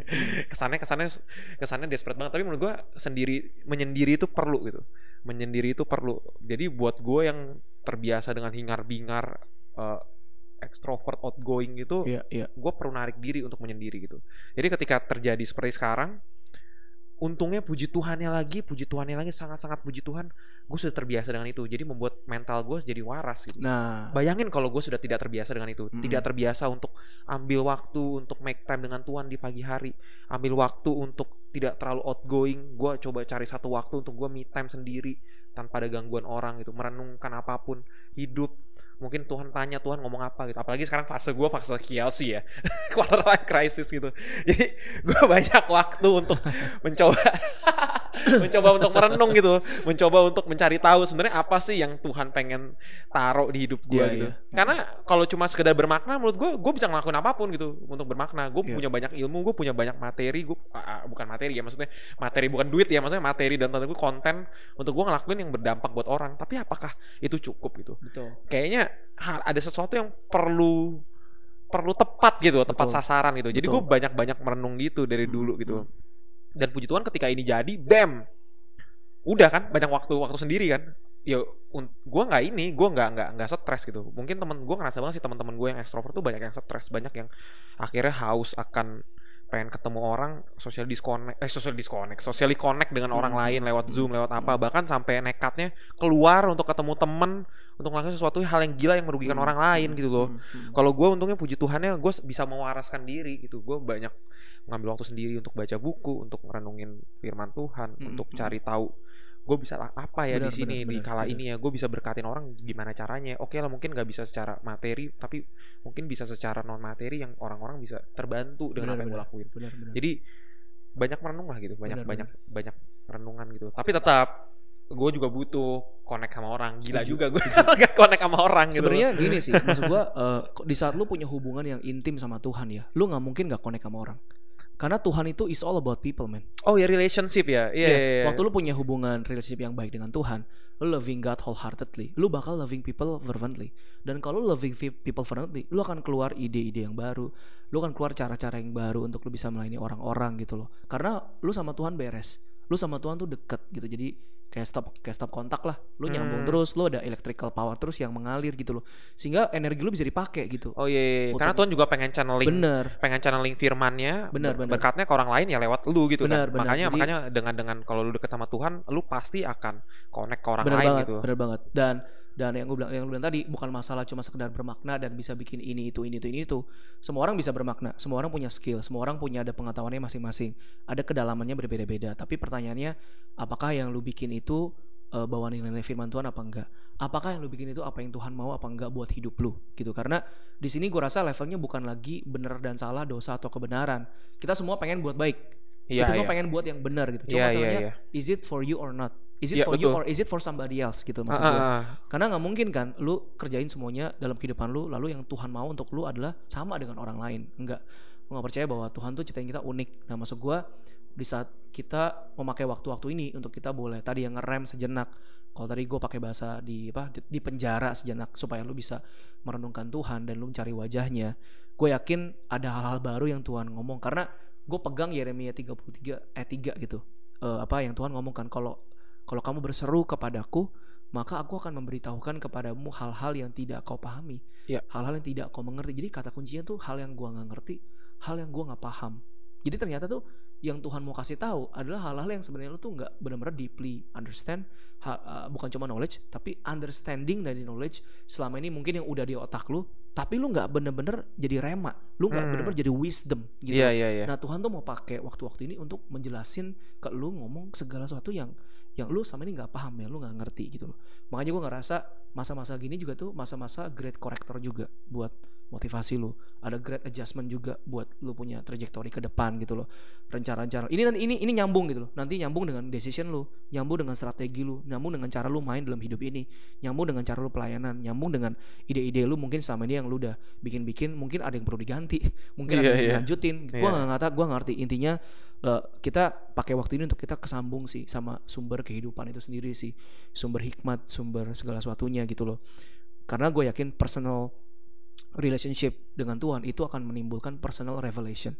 Tuhan tuh waktu deket sama kita, Tuhan tuh adalah Tuhan yang berbicara sih. Nah perkataan Tuhan itu adalah pewahyuan kalau menurut gue sih. Satu Iya. hal yang kita tuh mungkin nggak terlalu mengerti banget sebelum-sebelumnya. Kayak cuma denger doang gitu loh. Hmm. Dari mungkin somehow some advice atau some verses yang kita cuma tahu doang gitu ya. Eh, ya udah oke. Iya iya. Tapi di waktu ini kemungkinan tuh artinya tuh jadi bisa begitu besar gitu loh. Lu jadi kayak bisa mengerti kedalamannya. Nah di situlah yang kita sering ngomong tuh apa rema. Mm-mm. Ada satu rema yang begitu gua mengerti sekarang ini mata gua kebuka revelation yang Tuhan berikan gitu loh. Sehingga gue yakin itu jadi launchpad sih. Jadi jadi titik lu bisa take off untuk terbang lebih tinggi dan bikin pelayanan lu jauh lebih dinamis, pelayanan lu jauh lebih efektif dan lebih efisien gitu loh. Karena lu udah kesambung sama Tuhan gitu loh. Nah masalahnya orang-orang tadi yang yang even nggak bisa siapin waktu gitu loh. even nggak bisa siapin kalau dokter tuh lu mesti siapin appointment buat ketemu dokter gitu loh karena lu tahu ini serius ketemu dokter. Mm-mm. ini bukan ketemu bukan ketemu eh, tetangga bukan ini gue mau ketemu dokter. Something sih yang gue mau denger dari dokter itu mau ngomong tentang kesehatan gue something's problem problem dengan diri gue nah gue rasa ketemu Tuhan tuh juga sama harus bikin appointment. Karena kalau Tuhan tuh adalah VVVVVIP lu akan lu akan lu akan lu akan satu sisi iya dia bapak dia bapak Iya, yang iya, baik iya. kita merasa sangat intimate dan close tapi satu sisi ingat loh dia tuh Tuhan yang penuh hikmat Oh, Iya, dia, iya. dia, dia dia dia dia bilang adalah penasehat yang ajaib buat kehidupan lo gitu. Jadi lu ketemu dengan pribadi yang sepenting itu, lo akan siapin waktu sih gitu. Lo Iya, iya. lo akan siapin semuanya gitu loh. Dan ujung-ujungnya seorang benefitnya buat kita. Karena gue yakin Tuhan tuh Tuhan yang memberikan. Ini semua ujungnya benefitnya buat kita. Waktu lu ketemu Tuhan, lu lebih damai sejahtera, lu lebih mantep untuk melangkah dalam hidup, lu lebih tahan banting, lu somehow ada satu sukacita dalam dalam dalam apa dalam hidup lu dalam dalam hati lu gitu lu ada satu keyakinan gitu sekalipun mungkin susah jalannya gitu ya tapi lu ngerasa ada satu ada satu gue tahu nih bener karena gue kayak dapat dari Tuhan gue baca firman gue tahu ini ada konfirmasi dan sebagainya lah maksud gue tuh lu akan lebih hidup lah gitu loh maksud Ya. gue karena lu bener-bener eh, kesambung gitu sama sumber kehidupan itu. Nah gue takutnya banyak orang-orang yang melewatkan ini Dri di masa-masa kayak gini. Iya iya. Sayang sekali ya maksudnya mereka mungkin keluar tapi tidak bener. tidak jadi tidak memanfaatkan waktu yang maksudnya ini mungkin kayak ibaratnya bonus time gitu. Iya bener. Bonus time tapi bonus time-nya nggak dipakai gitu. Bener bener, bener. Uh, mungkin mungkin dipakai tapi untuk sesuatu hal uh, yang yang kurang kurang spiritual lah gitu. Mungkin oke lah mungkin mereka produktif tapi kurang kurang dalam hal yang spiritual aja gitu. Sayang aja sih tapi nggak tahu ya. Gue ngerasa sih untuk connect dengan Tuhan tuh memang memang banyak caranya sih gitu banyak caranya sih dan setiap orang beda-beda gitu. Eh gue juga nggak ngerti gitu. Kalau Gary Thomas dulu bilang di di bukunya yang mana gitu dia bilang untuk untuk orang tuh tipe-tipe orang untuk connect Tuhan tuh macam-macam ada yang Hmm. naturalis dengan dia Iya. pergi ke alam Hmm, gitu hmm. ada orang yang Hmm. intelektual Hmm. gue lupa ya istilahnya gitu tapi ada maksudnya orang yang bisa connect dengan Tuhan dengan cara mempelajari firman Tuhan lebih dalam lagi ada orang yang tipenya sosial jadi bisa connect dengan firman Tuhan ketika dia connect dengan orang-orang gitu Hmm. tapi tapi bukan asal connect aja gitu Hmm. tapi benar-benar mendalaminya tuh benar-benar ngebantu apa segala macam dengan memberi dengan altruis gitu dengan apa lagi dengan bernyanyi dengan ekspresif dengan seni segala macam jadi cara connectnya macam-macam gitu dan gue juga bingung maksudnya apakah apakah itu semua hal yang di state dengan Gary Thomas itu bisa memberikan kedalaman yang sama, pengenalan Tuhan yang sama? Ah, Karena gua nggak bisa, gua nggak mengerti orang yang connect dengan Tuhannya tuh dengan cara naturalis gitu. Gua nggak ngerti apakah dengan lu dengan lu menyatu dengan alam, lu menikmati keindahan alam kalau ini datangnya dari Tuhan, lu menyadari bahwa semua ini dari Tuhan dan lu mulai kayak lebih peduli dengan lingkungan, yang Hmm. which is juga peduli dengan lingkungan ada salah satu bentuk bentuk lu menghormati Tuhan kan. Iya, Lu- iya, itu iya. jadi memiliki kedalaman yang sama gitu. Apakah memang apakah harus harus iya kita make waktunya ya harus saat teduh itu saat teduhnya gitu loh ambil waktu bagian segala macam gitu instead of yang tadi gue bilang eh, punya caranya masing-masing. Gue juga nggak tahu gitu. Tapi yang pasti apa pun yang lu lakukan lu harus dapat hikmat sih harus dapat knowledge sih. Nggak cuma knowledge sih tapi understanding of knowledge yang habis itu jadinya wisdom gitu. Benar, buat gue buat gue outcome akhir harus itu sih. Dan in the end of the day outcome akhirnya adalah ketika lu selesai dari pandemik ini lu dapat sesuatu. Nggak cuma sekedar udah gitu loh yes kita udah survive nih sekarang nih. Udah selesai gitu. Terus, kan- terus apa gitu? Iya, oke iya. gue dapat sesuatu knowledge belajar banyak apa. Tapi udah it's getting normal lagi. Ya udah kita cari yang baru lagi yuk gitu. Loh Mhm. jadi lu nggak nggak nggak bisa came out with a story yang ternyata Tuhan baik banget loh pas pandemi gini gini gini gitu loh. Tuhan dapat apa memberikan gue message seperti ini gue harus begini gitu. Nggak nggak nggak seperti itu. Jadi Iya, kayak iya. biasa aja. Mhm, mhm. agak ya gimana ya Nov ya mungkin gak semua orang kali ya bisa kayak gitu ya ngerti gak sih Gue sih percayanya ada reason kenapa Alkitab ditulis ya. Eh maksud gue eh kenapa Alkitab ditulis, Firman Tuhan itu dibukukan Mm-mm. atau kalau sekarang digital didigitalkan iya betul Firman Tuhan atau diaudiokan gitu. Tapi it still adalah Firman Tuhan gitu yang memang harus kita tangkap dengan panca indera kita gitu maksud gue. Jadi bukan masalah lu naturalis, lu mesti ke gunung atau lu mesti ke pantai atau lu extrovert lu denger ketemu Tuhan karena lu ketemu orang. Lu misalkan apa eh ada banyak ya, terlalu banyak cara untuk Tuhan bisa berbicara sama lu gitu ya. Medium Tuhan ngomong tuh banyak, tapi di sini mungkin lebih ke arah bukan medium-medium yang Tuhan pakai untuk ngomong ke lu, tapi lebih ke arah waktu-waktu teduh yang lu sisihkan secara khusus untuk lu bisa merenungkan firman Tuhan gitu lah maksud gua. Jadi kalau lu ke gunung ya monggo nggak apa-apa ke gunung, tapi lu bawa firman untuk lu bisa merenungkan. Kalau misalkan lu ketemu orang gitu ya, diskusi, ngobrol-ngobrol, tapi lu juga bawa firman. Artinya tuh lu mungkin bahas firman di situ. Jadi lu bisa dapat firman Tuhan juga untuk lu renungkan gitu loh. Jadi caranya mediumnya tuh bisa macam-macam, tapi core-nya adalah the word of God, firman yang memberikan kita kehidupan itu tadi. Karena kan balik lagi kan Yeremia 33 yang ya aku akan memberitahukan kepadamu. Jadi ada satu ada satu hikmat yang Tuhan tuh mau kasih ke kita gitu loh. Eh, buat buat buat kita tuh bisa mengerti gitu. Dan itu cuma bisa di terjadi kalau lu ada satu waktu yang lu sisihin gitu. Eh, kadang-kadang ada orang eh gue dengar suara Tuhan. Gue ngelihat tagline di bus. Ya bisa jadi sih.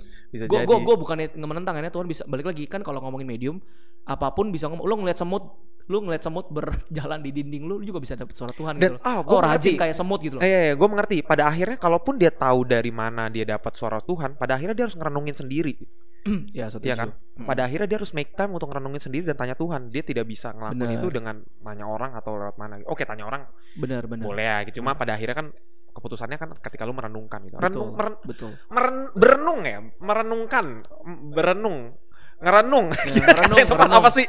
kayak kayak kayak kayak meditate lah lu kayak Iya, iya. lu kayak lu kayak mikirin-mikirin ini Mm. artinya apa ya ini dampaknya apa buat gua ini maksudnya apa gitu kayak lu kayak sebenarnya kalau lu bisa khawatir lu bisa merenung karena khawatir tuh basically adalah repetitif repetitif set of mindset yang terus terus ada di pikiran lu gitu loh nah meditasi adalah kayak gitu cuma Mm. bedanya not on the negative side khawatir kan kayak cemas dan sebagainya lu lu berpikir adalah ini firman Tuhan tuh kayak apa gitu buat gua namanya yang renungkan harus ada yang direnungkan dong. Iya, ya namanya- harus ada namanya- firman. Ya, harus iya ada- harus dong. ada firman yang lu dengar atau ada firman yang lu baca. Jadi Iya, sebenarnya iya. balik lagi Bible it's not books tapi ada audio di tapi intinya kayak the Bible itu mesti ada dalam pikiran lu terus menerus ya lu mesti baca lu denger gitu loh. Dan itu yang aki- akhirnya itu akan memberikan lu tuh eh, pengertian dan lu mengenal Tuhan tuh lebih dalam lewat Alkitab itu. Soalnya sekarang ya dengan adanya gua bisa relate sama Tuhan dengan berbagai macam medium dan situasi orang tuh jadi seolah-olah tuh meninggalkan Bible karena seolah-olah tuh Tuhan bisa ngomong lewat berbagai macam cara Ah, itu tuh ada orang-orang yang ada gitu ya? kayak gitu gitu Ada jadi yang kayak gitu ya? Padahal kan sumber kenapa kenapa lu nggak Bible. nggak baca Bible iya karena Tuhan bisa ngomong lewat macam-macam lewat keadaan bisa ya kan lewat Exactly. lewat orang tua bisa ya bener sih cuma gue balik setuju. lagi Cuma kalau dia kalau dia bisa bilang oke Tuhan bisa ngomong lewat keadaan lewat situasi tapi kan pada akhirnya sumber utamanya Bible kalau dia tidak ada knowledge dari Bible Benar. dia tidak ada dasar dari Bible-nya Tuhan mau ngomong lewat apa pun Bener, dia nggak akan tahu gitu bener, karena dia nggak ada dasar firman Tuhannya bener, bener, jadi pada akhirnya ya mungkin pembelajaran-pembelajaran duniawi aja bener, bener. ya sih Ini ibaratnya kayak kayak trailer sama movie-nya gitu. trailer cuma bagian dari movie kan. Tapi lu merasa lu udah nonton gitu. Padahal tuh baru trailer gitu.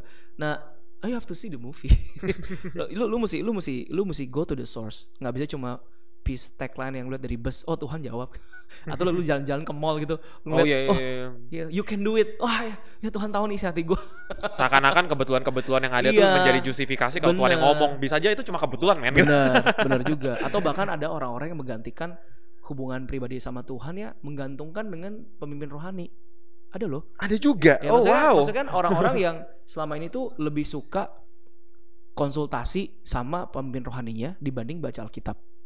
Ada orang yang lebih suka lebih mengandalkan kayak eh, apa khotbah-khotbah di apa eh, di YouTube YouTube begitu ya, lebih daripada dia tuh pengen mengerti Alkitab dari dirinya sendiri. Dia bisa berhubungan langsung dengan Tuhan. Ada orang-orang tuh yang eh, semangat waktu pemimpin rohaninya tuh semangat. Hanya itu doang tok gitu. Jadi waktu pemimpin rohaninya nggak terlalu semangat, dia hilang apinya. Waktu gereja jadi online, dia hilang apinya. Oh, jadi waktu dia nggak kena, gitu ya. ya dia dependent. Waktu dia nggak Mhm. kena touch dengan orang-orang yang memang on fire. Nah, gue ngerasa kan masa hubungan lu sama Tuhan ditentukan sama hubungan orang lain dengan Tuhan kan Hmm. jadinya kan i- ibaratnya kalau anak kecil baru belajar jalan ya lu anak kecil bergantung sama orang tua lah ya Hmm. Kehidupan dia tuh bergantung sama orang tuanya. Tapi kalau dia udah dewasa kehidupan dia nggak lagi bergantung sama orang tuanya. Karena Iya, dia iya, sudah iya. dewasa dia bisa hidup sendiri. Nah sama. Dalam kerohanian juga sama. Gue rasa itu fa- facing fase-fase fase-fase orang kalau pertama kali ya orang kalau pertama kali ya dia sama yang sama sama apa dia bergantung sama yang lain. Tapi sekarang dia udah dewasa ya dia bergantung harusnya langsung kepada Tuhan gitu loh. Nah gue ngerasa waktu-waktu gini yang bisa dipakai untuk kita tuh belajar kayak baca firman atau dengar firman tuh langsung dari firman dan kita berdoa sama Roh Kudus untuk diberikan pengertian. Kita mencari tahu sendiri lah gitu. Hmm. Ini maksudnya apa, artinya apa gitu. Eh waktu kita ketemu tuh eh, hasilnya akan lebih enak, akan lebih kita akan lebih happy karena ibaratnya lu nemuin harta karun sendiri dibanding ada orang bilang eh gue ketemu harta karun nih Iya, lu iya, mau lihat iya. nggak ya lu ikut orang itu gitu loh Iya, iya. tapi waktu lu gali-gali lu ketemu sendiri kan itu joynya tuh seneng banget gitu Iya, iya. lu ngerti kan the, Ngerti, the- ngerti, the ngerti. joy of lu finding on yourself gitu di mana orang lain tuh gak ada yang ketemu gitu Hmm. lu, lu ketemu Iya, sendiri iya, gitu iya, iya. Pengwahyuan yang datang Betul. langsungnya dari Betul. Tuhan tuh lebih powerful, Betul, lebih betul. kena dibandingkan udah pengwahyuannya dari orang lain gitu. bener banget bener banget itu itu yang sebenarnya yang gue pengen eh, saksiin sih yang pengen gue pakai di masa-masa kayak gini juga teman-teman gitu Oke, kita moving on nih sekarang eh, ke part 2-nya. Kalau tadi kita ngomongin dari sisi spiritual, sekarang kita ngomongin dari sisi sekuler gitu atau dunia. What's what's happen gitu ke depannya gitu dengan dengan new normal gini. Mungkin kalau tadi kalau kita ngomongin spiritual, gereja berubah, gaya ibadahnya berubah, gaya kita eh, berelasi dengan Tuhan mulai harus berubah Iya. dan dapat sesuatu. Sekarang kalau kita ngomongin sekuler, kayaknya nggak bisa lah gitu. Kita ngomongin spiritual spiritual, dunia perlu jalan men kita, dunia perlu jalan men. Dunia Iya, iya. juga harus di, ada ada yang kita kita tetap hidup di dunia gitu, tetap Bener harus banget, ada yang kita ya lakukan gitu, iya. mempersiapkan sesuatu. Nah, kira-kira sekarang dunia mau ke mana sih gitu? Hmm. Apa nih? Dan new normal nih akan jadi kayak apa sih dunia? gitu? Kalau gue pribadi, gue khawatir ya. Gue gue udah aware dengan kata the new normal since bercandaan gue soal corona ada ketika awal-awal tuh gue bercanda gini. eh, butuh butuh corona, butuh pandemik untuk ngebuat orang tuh jadi rajin cuci tangan. Dokter itu Oh. puluhan tahun ngajarin cuci tangan ke Iya, iya, iya. daerah-daerah, nggak pernah kena, nggak pernah jadi gaya hidup. gue ingat tuh kayak butuh gue di sosial media deh itu lu butuh corona untuk akhirnya bisa cuci tangan dan mulai jadi hidup bersih gitu. Itu membuat gua jadi mikir gila gitu. Lu butuh butuh kantakan keras, butuh hit yang lebih keras Hmm, untuk membuat hmm. gaya hidup orang berubah. Berarti gue yakin nih ke depannya nih gak cuma gaya hidup, ekonomi, behavior, pekerjaan, apa pun segala aspek kehidupan akan berubah. Dipaksakan dan sangat cepat. Jadi gua Dipaksakan mulai- dan- oke. Iya, dipaksakan Oke. dan sangat cepat gitu. Hmm, hmm, hmm. teknologi pasti mulai bergerak, riset mulai jalan sesuatu yang membuat menyokong kehidupan kita sekarang. Itu yang membuat gue langsung kayak khawatir oke gue harus siap-siap apa nih? Harus siap-siap berubah nih gue nih udah siap-siap hansin nih gue gitu. Oke spiritual jalan terus tapi gue harus hansin nih harus Iya, bisa iya, iya. fit in nih sama dunia nih gitu. Gue harus ngapain ya? Gitu ya gitu. Jangan sampai gue tak gue ketinggalan gitu. Ibarat gue jadi baby boomers yang nggak bisa keep up sama kehidupan digital gitu. Gue nggak mau kayak gitu. Jadi gimana caranya sekarang? Apa sih yang berubah sekarang Nov Waduh. menurut lu apa sih lu, lu prediksi lu ke depannya kayak gimana nih oke dari perspektif lu sebagai agency apa mungkin yang menurut lu gue sih Eh dengan gue gue sih yakin ya oh, segala sesuatu yang berhubungan sama digital itu pasti akan akan increasing in demand ya ke depan. Mm-mm. Eh, kayak kerjaan gua, kerjaan lu itu juga pasti akan increasing banget secara secara di- karena sekarang orang jadi kebiasaan banget kan. Eh, maksudnya kehidupannya itu bahkan gini ya, em, kehidupan kehidupan yang sifatnya tuh sandang pangan, gitu ya. Mungkin terutama pangan ya, makanan ya. Kalau sekarang beli baju orang nggak terlalu ya, rumah juga Iya. orang. Mungkin berhubungan sama makanan, kemudian apa kesehatan gitu ya. Eh, mau itu obat, mau itu mau itu apa konsultasi, eh, mau itu olahraga, ya kesehatan kan, masuk ke sport juga, Hmm. olahraga, workout sebagainya. Kayaknya digital ini bakal jadi ngambil peran penting juga. Jadi mungkin aplikasi-aplikasi bakal banyak ya yang yang yang bertebaran gitu ya eh, ke depan yang bakal develop karena ada habit baru sih. Hmm. kebentuk habit baru di masa-masa ini di mana orang kayaknya olahraganya di rumah gitu ya. Cuma pakai mat doang gitu ya. Oh, pakai dia ini ini ikutin di Eh, ada loh olahraga via zoom loh. Iya iya iya luar makanya. biasa ya. Ada ada ada yang olahraga via zoom yang lo bisa connect terus tuh kayak bisa ngeliat instrukturnya gitu kan. Tapi yang Hmm. ikut tuh sebenarnya banyak nggak cuma lu yang lain juga pada ngezoom juga di Iya, rumahnya iya, iya. masing-masing kayak gitu loh. Eh, ya gue berharap sih ini habit-habit yang baik yang yang bisa di yang bisa ditingkatkan nanti pada saat udah back to normal which is yang kalau new normal berarti nggak back to normal oh kan new normal jadi Gua- creates, gua rasa- creates a new normal Iya iya iya, gua rasa nih ya eh, prediksi gua ada dan gua gua nggak cuma prediksi, gua yakin banget sih ketika eh, virus corona kelar, misalkan kita ngomong ya kelar ya, Mm. ada vaksin lah kayak Amin, polio punya ya. vaksin, terus Mm, cacar mm. ada vaksin, benar-benar tidak ada corona Iya, yang baru iya, lagi, iya. Itu tidak akan kembali normal, ki- Mm. tidak akan kembali ke 2019 gaya hidup 2019, akan pasti akan banyak perubahan. Hmm. Kenapa? Oke, mungkin secara secara dunia oke kita bisa balik lagi normal, tapi perspektifnya berubah Hmm. mereka Hmm. akan mempersiapkan oke kita harus mempersiapkan jaga-jaga kalau ada pandemik oke eh, kita udah ngejalanin nih yang namanya kerja dari rumah kerja online oh ternyata efisien dan efektif dan bisa ya Hmm. udah kenapa nggak kita kombinasiin aja Hmm. Gaya hidup gaya bekerja berubah Be, Oke, gue suka banget ya. Gue suka banget. Bos. Senin, Rabu, Jumat aja ya kantornya. ya gue gue pasti yakin sih itu akan berubah sih itu akan berubah terus yang ketiga sekolah oh ternyata ada beberapa hal yang Iya. works loh yang mulai dari rumah online itu pasti akan berubah gue yakin akan berubah banget bukan bukan berarti kembali ke normal tapi menjadi terintegrasi Hmm. jadi kalau dulu kan work life balance ya sekarang work life integration Hmm. menurut gue sekarang jadi terintegrasi satu sama lain sehingga mem- membentuk habit yang baru Iya, iya. teknologi juga ngerasa oh kayaknya nanti yang begini works nih oh, kayaknya orang-orang mulai shifting ya udah kita coba integrasiin aja apa yang terjadi selama masa pandemik dan sama normal ini sekarang kita jalanin bareng-bareng Hmm. gitu jadi ibarat ibarat ya ketika sekarang udah bisa konser online offline jalan online pun juga jalan Hmm. gitu loh Iya, iya, iya. jadi online itu hanya mensupport bisnis bisnis yang maksudnya bukan bisnis ya, kayak mensupport bagian sisi-sisi bisnis sampingan-sampingan gitu Hmm, hmm, yang hmm. offline jalan tapi yang Hmm. online juga kayak nambah inilah Iya, iya, nambah kolam baru lah gitu Ah, ah, ah. jadi akan ada banyak banyak bisnis bisnis baru sih gitu yang akan yang lebih kreatif gitu ibarat kalau di gereja ya kalau gue lihat prediksinya kalau dun- dunia pergerejaan Hmm, hmm. Eh, balik lagi ibadah ke gereja yes gitu semua orang akan balik ibadah seperti Hmm, normal tapi yang online akan jalan Iya. karena dulu ini yang gue bilang shifting shifting behavior. Dulu tuh orang-orang ngerasa online tuh tidak terlalu penting orang gue masih offline gitu.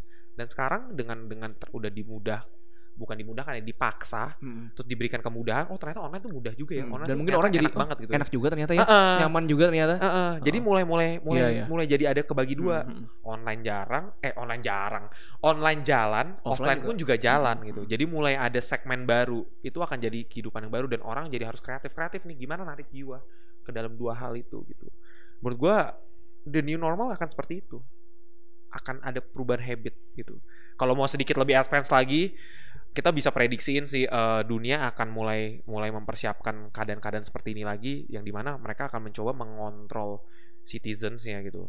Ibarat kalau kita ngambil referensi dari Yuval Noah akan ada total surveillance gitu. Total surveillance untuk ngontrol orang-orang tuh bergerak Waduh. ke arah mana gitu. Ngeri banget ya bro kalau total Eh, surveillance. itu sebenarnya sudah diprediksi sih. Internet pun sekarang kan sebenarnya udah surveillance kita kan secara Hmm, behavior digital gitu. Apakah apakah orang-orang tidak akan berpikir untuk bikin teknologi yang kayak di Black Mirror gitu? Iya, Bisa iya, going iya. to digital virtual Hmm, gitu. hmm, hmm. bisa upload conscience gitu. Orang apa? Orang-orang nggak berpikir untuk bisa bikin kayak gitu. Ya buat teman-teman yang nggak tahu Black Mirror, Black Mirror itu gimana tadi? aduh gimana jelasin ya? Susah juga ya gitu. Tapi ya, ya intinya intinya gini lah eh lu akan masuk ke dunia lu akan masuk ke era di mana teknologi itu sangat advance sehingga lu bisa upload conscience atau lu virtual reality-nya tuh bener-bener ngerasa nyata kayak kayak Ready Player One gitu. Sangat Wow. nyata sekali gitu. Eh, itu menurut gua akan di develop sih kalau Iya, misalkan keadaan iya. dunia akan begini terus ya nggak sih? Orang perlu entertainment yang nyata yang real yang bener-bener nggak cuma sekedar visual aja membangkit emosi tapi bener-bener sampai secara saraf pun secara sampai nervous system lu pun bisa ngerasain gitu loh. Gue rasa kalau misalkan kita dipaksa itu ya kayak gitu teknologi pun akan berjalan ke situ. Hmm. kalau misalkan teknologi mendukung otomatis eh, total surveillance sih akan ada sih gitu. Kalau di China udah ada social credit rating score berdasarkan CCTV ngelihat citizen citizennya udah ada face recognition nih citizen gue nih ngelanggar aturan nih gue udah pegang datanya gitu kan. Gue pegang data ya udah lu rating score-nya turun gitu. Kalau di China udah kayak gitu itu yang ngeben- ngebuat China tuh gampang kan ngekontrol pandemiknya gitu. Iya. dan gua rasa eh, dunia akan mengadopsi itu sih. Dunia akan mengadopsi itu gitu. Eh, pemerintah mulai-mulai nggak gua nggak tahu ya. Kalau pemerintah yang sosialis atau total kontrol atau komunis mungkin gampang tapi apakah yang demo demokratif demokratif atau liberal gitu bisa bisa mau gitu. Tapi ini di era post truth sih di mana sekarang banyak banyakkan orang untuk bisa mencapai suatu kebenaran. Jadi ketika mungkin kita pemerintah nggak suka dengan cara itu tapi kalau misalkan demand dari demand dari netizen atau citizennya pada lebih banyak tinggal kayak revolusi aja sih itu akan terjadi sih sooner or Hmm, later gitu hmm, hmm. berubah lah secara ideologi sistem dan mungkin one world government could be happen gitu itu kan salah satu konspirasi kan gitu kan konspirasi yang Iya. di yang orang-orang pikir dengan ini nih akan memudahkan one world government nih gitu karena dengan satu orang yang ngontrol akan mudah untuk nge-trace orang-orangnya sehingga kalau pintu terjadi pandemik lebih mudah di mana patient zero-nya sekarang kan masalahnya kita nggak tahu patient zero-nya siapa gitu Iya, iya. gitu Belum itu kalau kita ya? ngomong advance ya gitu. belum belum ini ya, belum belum kebukti ya. Belum belum tahu ya. tidak ada yang tahu tidak ada yang tahu karena itu karena tidak tidak apa ya tidak orang tuh ada bawa carry tapi tidak tidak terda, terdeteksi gitu. Mm-mm, jadi mm. carrier tapi tidak terdeteksi gitu. Itu yang bahaya kan gitu. Itu kok baru ngomongin pandemik gitu. Mm-mm. kita belum ngomongin yang lain-lain. Gua nggak tahu nanti ke depannya akan akan apa dengan dengan ini bisa jadi apa. Jadi eh cuma ini aja sih menurut gue sih akan akan akan balik lagi ke era zaman dulu sih revolusinya gitu. Maksudnya lu akan nge- ngedapetin sesuatu yang baru dari dari suatu tragedi yang krisis dunia gitu. Iya, iya. Akan balik lagi ke situ lagi sih. Eh, cuma muter-muter aja gitu. Mungkin sistem pemerintahan akan balik lagi ke Mhm. aristokrasi ke totaliter terus habis itu nanti orang-orang mulai nggak suka terus balik lagi ke demokrasi. Jadi muter-muter lagi sih. Ditambah dengan adanya teknologi dan macam-macam yang mempercepat mempercepat siklus itu gitu. Ya itu itu kalau mau advance ya. Itu kan cuma cuma sekedar eh, prediksi proyeksi dan melihat antropologi manusia atau sosial manusia society itu mau ke arah mana pemerintah tuh bergeraknya ke mana eh, itu kan prediksinya akan seperti itu gitu loh. Cuma yang penting yang lebih lebih lebih apa ya lebih dibutuhkan dalam hidup ya ini sih eh, siap-siap untuk sesuatu yang baru gitu loh. Siap-siap untuk memiliki gaya hidup yang baru gitu ketika kalaupun going normal gitu. Dan kayaknya sih bakal sampai tahun depan ya kayak gini ya. Kita akan ngejalanin kayak gini sampai tahun depan gitu. Kalau keluar- keadaan, kalau ngeliat keadaan sekarang per 25 Mei, yang direkam 25 Mei, eh it's not getting better sih sebenarnya karena angka-angka daily daily eh, positive case-nya nambah terus. Di Indonesia ya? di Indonesia ya di Hmm. Indonesia nambah terus daily positifnya artinya kan itu kasus baru dan positif kan? Ya Hmm. the only way adalah physical distancing. Selama Hmm. vaksin belum ketemu selama belum belum ada satu obat yang terbukti 100% gitu bisa bisa nyembuhin atau bisa apa ya memang sulit sih. Eh karena gue kerja di digital ya gue kayak lagi berpikir ya ini ke depan agensi gua bisa menghasilkan uang paling cepat dan paling baik itu dari sisi mana ya?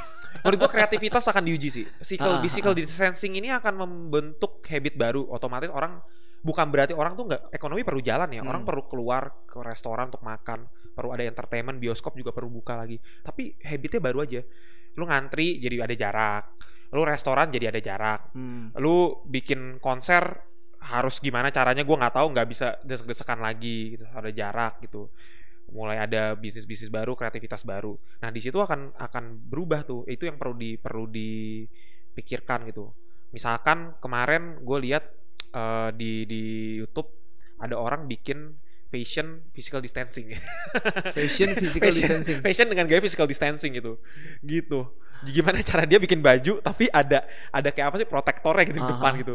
Menurut gua akan pakai protektor di depan akan jadi the new normal sih. Orang nggak akan mungkin dulu itu aneh tapi sekarang akan jadi normal Iya, gitu loh. iya, iya. ya enggak sih? Dulu pakai masker tuh eh, dikira maling sekarang tuh jadi normal gitu. Ya enggak sih?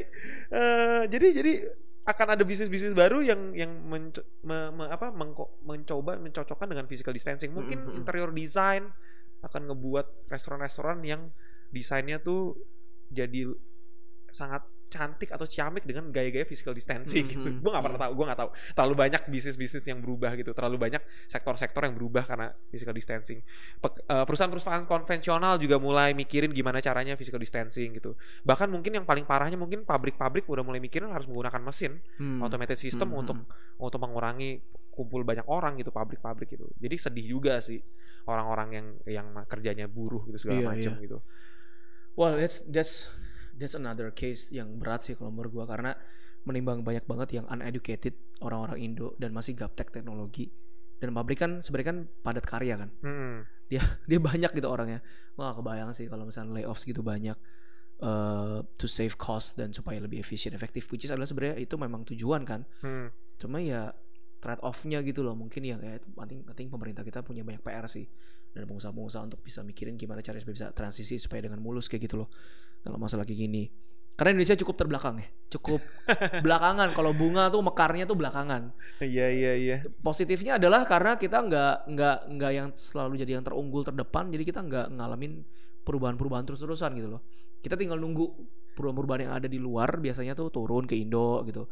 Dari Singapura kita adapt gitu. Ya adopsi Mulai aja adopsi, gitu. adopsi. Jadi kita, Kita- kita- beruntungnya bisa lihat Ah, gitu. ah, dan dan kita karena jumlah penduduk yang segitu banyak eh ya pasarnya tuh oke banget gitu karena begitu ada new teknologi atau new trend atau new new new whatsoever new gitu ya new new new begitu lah. gitu. masuk ke Indo new itu green tea gua.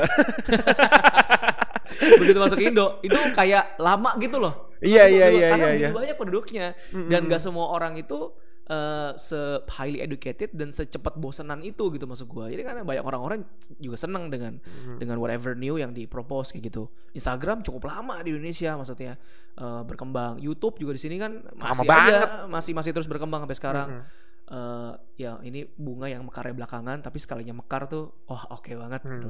Makanya kan investor asing pada masuk sini iya, semua kan. Iya iya Ya mudah-mudahan karena corona ini nanti bisa berakhir, bisa balik lagi dan dan dan bisa invest invest juga ya. Iya ya, si- maksudnya eh, lebih lebih siap-siap sih. Dan new normal dan new normal, gue nggak tahu spesifiknya akan berubah jadi apa. Gue juga nggak berani bilang ini kita akan jadi kayak gini, akan jadi kayak gini. Cuma siap-siap lah. Hmm. Siap-siap untuk perubahan yang sangat cepat dan dipaksakan. Cepat dan dipaksakan. Kalau dulu bilang ini era percepatan akan perubahan, tapi kan itu nggak dipaksakan. Percepatan yes, berubah cepet yes, tapi nggak dipaksakan. Kalau Hmm. sekarang tuh dipaksakan. Mau nggak mau, lu harus ngikut. Lu nggak ngikut, punah lu kayak Neanderthal lu. Yang homo sapiens. ya. yang bikin sapiens bisa su- survive kan karena dia commute kan gitu commute dan dia ber- kayak ya, ya bareng-bareng terus gitu kayak Neanderthal nggak mau commute nggak mau pindah dan dia individualis ya itu punah lah gitu Kalau dari sisi entertainment gimana dari lu ngeliatnya ke depan dengan ada new normal gini habitnya eh apa yang bakal berubah dari si entertainment dari si media? Eh menurut gua banyak sih berubah ya. Pemanfaatan teknologi pasti akan akan jadi sangat sangat sangat sangat penting gitu. Berubah kayak tadi ada konser online eh, terus ada kuliah online terus ada apa sih yang online online itu semua Nonton gue bioskop nonton online ya? bioskop online. Hah, sekarang bisa nobar. Iya drive-in cinema. Drive in. gue juga bingung sih gimana cara ininya ya perlahan luas soalnya gitu. Mungkin juga nikah juga nikah online kali gua nggak tahu deh. Gue juga nggak ngerti. Terlalu banyak, terlalu banyak yang akan jadi online gitu. Eh, you know what? You know what? Sekarang orang-orang udah bikin film dan web series yang version online version. Mm-mm. Short Mm-mm. film jadi online. Jadi gue kemarin nonton short film. Konsepnya tuh ngobrol via Zoom dan dibikin narasinya tuh sangat-sangat Wah. ciami banget. Gue tuh nggak, gue tuh mikir kayak gila gitu. Orang tuh bisa bikin film dengan narasinya seperti ini. Iya, gitu. iya, iya. Jadi akan kreatif. Sedihnya apa? Sedihnya adalah orang-orang tuh yang sudah pernah mengalami entertainment zaman dulu konvensional, terus harus berubah shifting. Mereka tuh Hmm. akan ngerasa susah. Iya, iya. Tapi ini kita andaikan ya, andaikan akan begini terus gitu sampai 10 tahun ke depan atau sampai seterusnya gitu. Berubahlah. Kita udah masuk di distopian gitu. Eh jangan distopian, utopian. Hmm. kita sudah tidak bisa lagi yang namanya desek-desekan ngumpul-ngumpul bareng-bareng lagi. Yang sedihnya adalah orang-orang yang ini yang kita tuh mengalami mengalami masa-masa konvensional, entertainment konvensional. Tapi orang tapi itu tidak akan percaya sama gua. Bisnis entertainment tidak akan rugi, tidak akan tidak akan bangkrut. Kenapa? Mereka punya pasar orang-orang baru. Hmm. Generasi-generasi baru, generasi alpha beta itu tidak pernah mengalami yang namanya Emang entertainment generasi beta? Ada, ya? ada gak sih? gue pikir kalau ada alpha tuh beta gitu. You just making it up, man. You just making it up. gue pikir abis alpha tuh beta gitu nanti nanti ya ya gitulah ya menurut gue generasi-generasi baru yang lahir tahun 2000-an 2010-an kan kan pasar kan adalah generasi-generasi muda kan Iya, iya. generasi baru kan karena mereka pasti akan lebih banyak gitu yang kita kita tuh udah hilang lah bukan pasar mereka lagi mereka itu generasi-generasi baru ini akan konsum yang baru-baru ini Iya. entertainment yang baru entertainment yang lebih lebih apa ya nggak konvensional gitu lah. Hmm, apa sih istilahnya yang lebih lebih teknologi lebih ngerasain? Mereka tuh nggak pernah ngerasain yang zaman dulu. Jadi mereka ngeras mereka akan terima-terima aja dengan gaya konser online. Ya memang buat mereka ya kayak gini entertainment. Buat kita entertainment tuh harus kayak dulu gitu. Gitu loh. Jadi bisnis entertainment akan tetap berjalan cuma berubah aja dan mereka Hmm, tidak akan hmm. berdampak gitu karena mereka akan selalu ketemu pasar yang baru gitu. Mereka akan terus ngikutin pasar. Gitu sih. Bisnis entertainment ya eh, andai itu andaikan andaikan akan selalu begini terus. Sa- sayangnya kan nggak mungkin kayak gini terus. Pasti kan akan kembali lagi seperti Iya, iya. eh, biasa. Cuma mungkin gayanya aja berubah gitu jadi jadi entertainment entertainment terdampak tapi tidak se- seterdampak itulah akan ada caranya untuk keluar dari hal seperti ini gitu. Kreativitas yang tadi lu bilang tuh jadi kunci banget semasa terbatas, nggak bisa ketemu gitu ya. Eh ide-ide yang bisa dieksekusi secara online dan waktu ditampilin tuh kelihatan tetap bagus. Ya meskipun lu nggak pakai alat yang gila-gilaan, lu nggak pakai kru film yang banyak atau kru production yang banyak gitu. Itu jadi salah satu yang menarik banget sih. Kemarin salah satu brand juga di Indo ya brand anak bangsa juga. Dia bahkan dia dia sempat sempatnya bikin TVC TV commercial yang buat di TV atau di YouTube. Dia bikin itu semasa semasa corona ini semasa semasa physical Luar distancing biasa. dan begitu begitu diupload gue lihat wah ini kok keren banget ya. Eh, dia punya dia punya videonya tuh keren banget. Eh gue gak ngerti gimana cara dia gimana cara dia produksinya luar biasa tapi dari video itu kelihatan bahwa itu talentnya cuma satu orang dan propsnya tuh props yang cuma seadanya doang gitu untuk di syuting, lighting juga seadanya. Tapi begitu muncul tuh gue ngerasa, wah ini kreatif banget ya, bener-bener kreatif loh dia bisa maksimalin uh, semua yang ada gitu ya untuk dia jadi keuntungan dia. dan begitu di show tuh kayak orang tuh kayak gila karena orang tuh um, ya gue setuju sih entertainment tuh sesuatu orang yang akan butuhkan sampai kapan pun orang pasti butuh hiburan butuh entertainment. Cuma dalam masa-masa kayak gini eh, creativity and digital format gitu ya kayaknya bener-bener amat sangat menguasai ke depannya makin makin menguasai ke depan sih. Em, tapi gue nggak tahu apakah TV akan balik lagi apakah radio Wah. akan balik lagi A- aku tidak tahu gitu. Yang yang pasti yang gue tahu adalah orang-orang yang passionnya senja-senja akan punah sih. Udah main kita nggak butuh ini tuh main kita butuh plumber sekarang main gitu. kita butuh montir orang-orang bengkel gitu untuk Iya, bisa iya, kita iya. hidup gitu. gue ngerasa on demand sih on demand on demand apps semua yang berhubungan sama on demand on demand apps atau apps-apps tertentu yang khusus ya untuk lu bisa facilitate your needs specific needs tuh kayaknya eh, bakal bakal bermunculan nih ke depan gitu loh Pasti pasti. eh kita udah punya apa ya film streaming udah ada Eh, O- OTT olahraga udah streaming ada. platform tuh naik banget. Ah, ah, ah. Eh, Olahraga. Oh, lu tau gak sih sekarang ada ada orang kan pada kita nggak bisa jogging bareng-bareng, lari bareng-bareng. hmm. Ada ada acara via gua nggak tahu via zoom atau apa ya tapi intinya semua orang bisa lihat mas satu sama lain mereka taruh di depan kamera di di treadmill terus di belakangnya tuh virtual backgroundnya diganti jadi kayak ngal- lari bareng-bareng sambil ngobrol gitu gila gak sih kreatif banget gak sih itu jenius banget loh 5 Iya, kilometer mereka kayak gitu gitu itu kreatif banget gua lari nggak lari pakai apa? Lari di tempat apa gimana? pakai treadmill Oh pakai treadmill. Oh Hmm. jadi mesti punya treadmill dong. Heeh. ya kalau gua nggak tahu ini kan acara luar negeri ya. Jadi Iya, iya, di luar iya, negeri kan iya, selalu udah-udah itu kan udah hal biasa gitu. Ini gua gua sangat-sangat ya ampun kreatif banget sih bikin kayak gini gitu loh. Stand up comedy dibawa ke jalan. Kalau dulu kan stand up comedy eh, harus ke satu tempat, Hmm. komedi cafe, komedi Iya, ba- iya. bar gitu, komedi Iya, iya. kalau di luar negeri gitu, komedi seller segala macam. Mereka itu kan ngumpulin orang nggak boleh dong. Ya udah, mereka mah nggak pusing. Kalau orang kreatif tuh nggak pusing ya, pinter ya. Mereka bawa aja sekarang ke jalan. Jadi mereka ke jalan, eh lu mau denger jokes gua nggak gitu? Terus direkam gitu. gitu. Jadi kreatif tuh gila-gila sih menurut gua. Eh, Yang yang gue yang gue bingung ada travel sebenarnya. Bisnis travel tuh akan Ah, akan iya, iya. hancur menurut gua. Gimana ya travel? Heeh. ya? Apa pada- jalan-jalan pakai Google Street nih? Apa Google Maps? itu itu sudah terjadi Eh sekarang ketika bisnis travel hancur tapi kan kebutuhan orang untuk melihat-lihat untuk bisa refreshing dengan traveling dibutuhkan dong ya udah caranya gimana virtual Or- udah banyak platform-platform yang menawarkan virtual tour Ghibli museum udah Hmm. virtual tour Mhm. Eh, beberapa gue gue kemarin ngeliat Bangka Belitung tuh kayaknya eh, pemerintahnya udah bikin virtual virtual tour di Bangka Belitung jadi benar-benar ada orang ngomong Dia pakai pakai? Pakai VR. I have no idea jadi Untuk kayaknya experiencingnya gimana? kenapa Untuk experiencingnya gimana? Pakai VR gitu? atau- Jadi jadi eh, kayaknya ada kayaknya videonya mungkin ini ya videonya tuh dibuat Heeh. jadi ngejalanin ke satu tempat segala macam terus ada Oh, orang yang guide itu orang yang oke, guide-nya oke, itu oke, bukan oke. recording Iya iya. bener-bener live gitu jadi Ah. teman-teman ini tuh ini begini-begini gitu segala macam Oh. Mungkin ke depannya kalau misalkan Bisa kita jadi, masuk ke jadi. utopian dan kita benar-benar nggak bisa pergi jauh-jauh itu akan jadi ini sih Iya. akan jadi traveling baru traveling baru gitu. Itu Mungkin- enggak- tapi itu oh. enggak banget sih, Bro. ya, ya ya mau gimana lu kalau lu nggak bisa terbang lagi gimana Kalau musik lu masih bisa ya, karena kan audio ya. Tapi kalau misalkan travel kan itu kan ambience ya, itu kan mengalami langsung gitu ya. eh. Gimana? Tapi mau gimana? Mau, eh, ya mau nggak mau gitu loh, gaya hidup baru aja sih. Kreativitas yang diperlukan banget ya daripada mati. daripada mati kelibas zaman. eh, Yang penting kreativitas dan bisa tetap hidup lah. eh ya menarik sih. Semua yang berhubungan sama experience experience eh, lu di dalam rumah, kebutuhan-kebutuhan lu, gue rasa akan meningkat banget tuh. Eh, kayak musik ya, kalau ngomong entertainment, musik berarti kan dia memberikan nggak cuma nggak cuma experience secara audio, tapi experience secara visual juga. Kemudian Hmm. kayak ini apa eh, engagementnya sekarang ya apa ya engagement sekarang lebih live live engagement mungkin ya tapi dalam dalam konteks yang lebih apa dalam konteks yang lebih lebih private. Kalau IG live kan mungkin kayak semuanya orang bisa lihat ya. Hmm. IG live tuh kayak siapa pun bisa lihat. Tapi kalau lu memberikan experience harus ada satu limitasi ada satu keeksklusif eksklusivitasan gitu di situ Hmm. jadi kayak lu bisa pakai Zoom dengan sekarang yang ada gitu kan. Ibaratnya lu memberikan satu close group kan and close engagement langsung dengan artisnya. Mungkin artisnya abis nyanyi dia langsung langsung bisa Zoom meeting. langsung, Eh, udah langsung bisa cerita, langsung udah- bisa apa hmm. gitu. Gue bilang ah gila bener. Udah dibuka bareng loh, buka bareng sama Iya. artis sekarang via Zoom. jadi jadi makanya ini kan ada demand nih. Tadi yang lu bilang kan ada demand lu harus ngerasain secara ambience gitu. Hmm. Demand itu yang ngebentuk nanti eh, teknologi harus menjawab itu. Iya. Makanya VR yang kayak di Ready Player One itu could be happen. Bisa jadi. Bisa Ah, jadi. Bisa jadi. Itulah ngerinya sebenarnya. Ya, ya. Kalau itu terjadi, semua yang ada di Black Mirror pun bisa terjadi.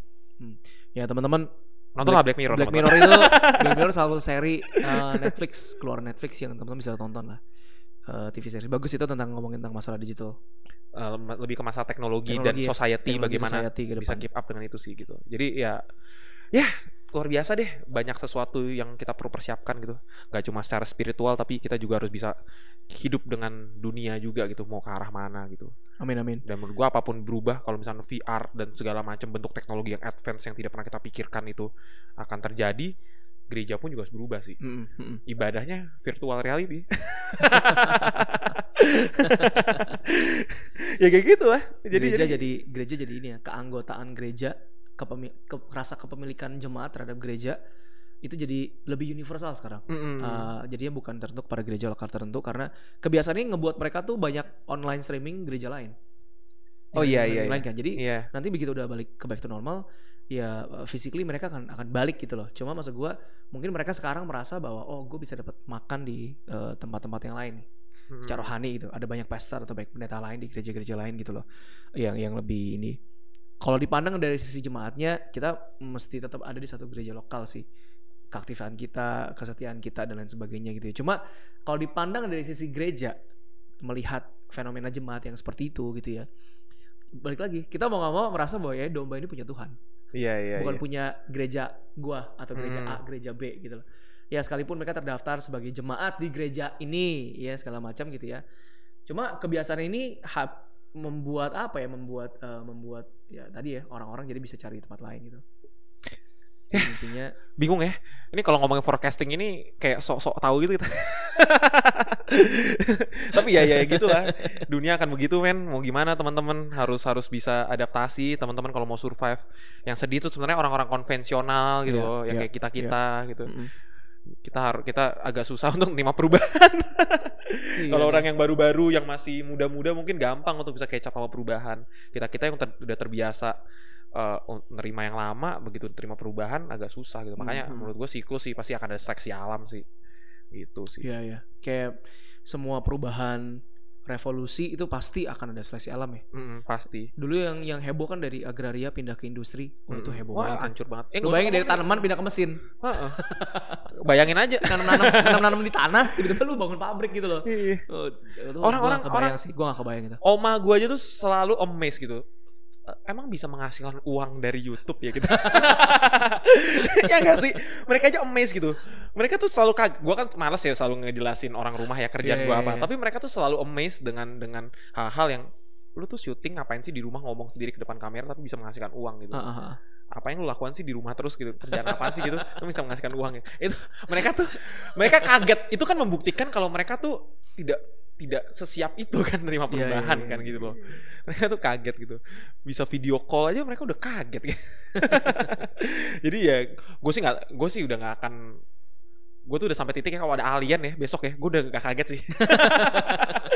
Ya udahlah gitu udahlah. Kayak orang zaman dulu ngeliat api tuh kayak dewa sekarang tuh api bisa kita buat itu. Udah gue udah gak kaget sih. Iya iya iya. Gue udah gak kaget sih. It's going to be happen gitu anyway gitu. Ya udahlah udah itu aja sih pembahasan kita Gila hari ini kita paling lama nih podcast satu setengah jam ya hampir. Mm-mm. Ah, udah satu jam belum ya? 90 Sejam- menit? setengah jam satu setengah jam lebih sih. Satu jam lebih ya? Ya Oke teman-teman mudah-mudahan eh, dapat banyak hal yang menarik ya secara secara eh, secara spiritual maupun secara sekuler gitu ya. Eh, kita do the best yang bisa kita lakukan, tetap stay in touch, stay connected dengan Tuhan dan juga dengan teman-teman yang ada koneksi lingkaran-lingkaran circle kita, jangan sampai kita keputus Mm. Eh, dan ya di masa-masa gini tetap bersyukur dan tetap berkarya lah gitu karena Iya, iya. ya nggak sih kayak lu jangan jangan berhenti berkarya lu jangan berhenti untuk buat sesuatu gitu Eh, dan kita sama-sama berdoa lah supaya ini bisa balik ya dalam keadaan apa? New normal. Wih. dan kita bisa normal. beradaptasi dengan dengan oke. Kita tidak akan kembali ke se- seperti dulu tapi kita akan menghadapi yang namanya new normal. Betul gitu. betul betul. Dan Tuhan berjanji dia akan menyertai kita sampai kepada akhir zaman gitu. Akhirnya di mana nggak tahu. Sekarang mungkin udah akhir-akhir ya. Iya mungkin ya. Udah mungkin udah udah akhir-akhir ya tiga perempat nih tiga perempat nih. Tapi Tuhan menyertai kita semua. Yang penting kita tetap eh, tetap beribadah sama Tuhan, kita tetap berdoa, tetap percaya dan lakukan apa yang jadi panggilan kita sama Tuhan nanti. Ide-ide, kreativitas Tuhan yang kasih jalan keluar yang baru, yang nggak bisa masak tiba-tiba bisa masak, yang nggak bisa potong rambut tiba-tiba bisa potong rambut, yang nggak bisa jualan, yang nggak enak sama orang kalau jualan sekarang lu mesti jualan gitu. Ya kadang-kadang perubahan itu perlu karena terpaksa, tapi Mm. yang penting awalnya terpaksa nggak apa-apa. Iya. Tapi ke depannya kita jadi benar-benar berubah ya Iya iya. jadi bisa beradaptasi. Amin. Em, segini aja kali ya Udah podcast ngangkat kita di episode episode new normal. Eh, mudah-mudahan jadi berkat. Oke, eh, tungguin episode kita selanjutnya. Eh, akan ada hal-hal yang menarik juga yang kita bisa pelajarin selama masa PSBB ini. Gue Novendi, Luar biasa. cabut. Saya Andri undur diri. Perlu gini ya sekarang ya? Karena kita jadi kayak orang pesan Oke radio. guys, God bless you and see God you on the next episode. Dadah.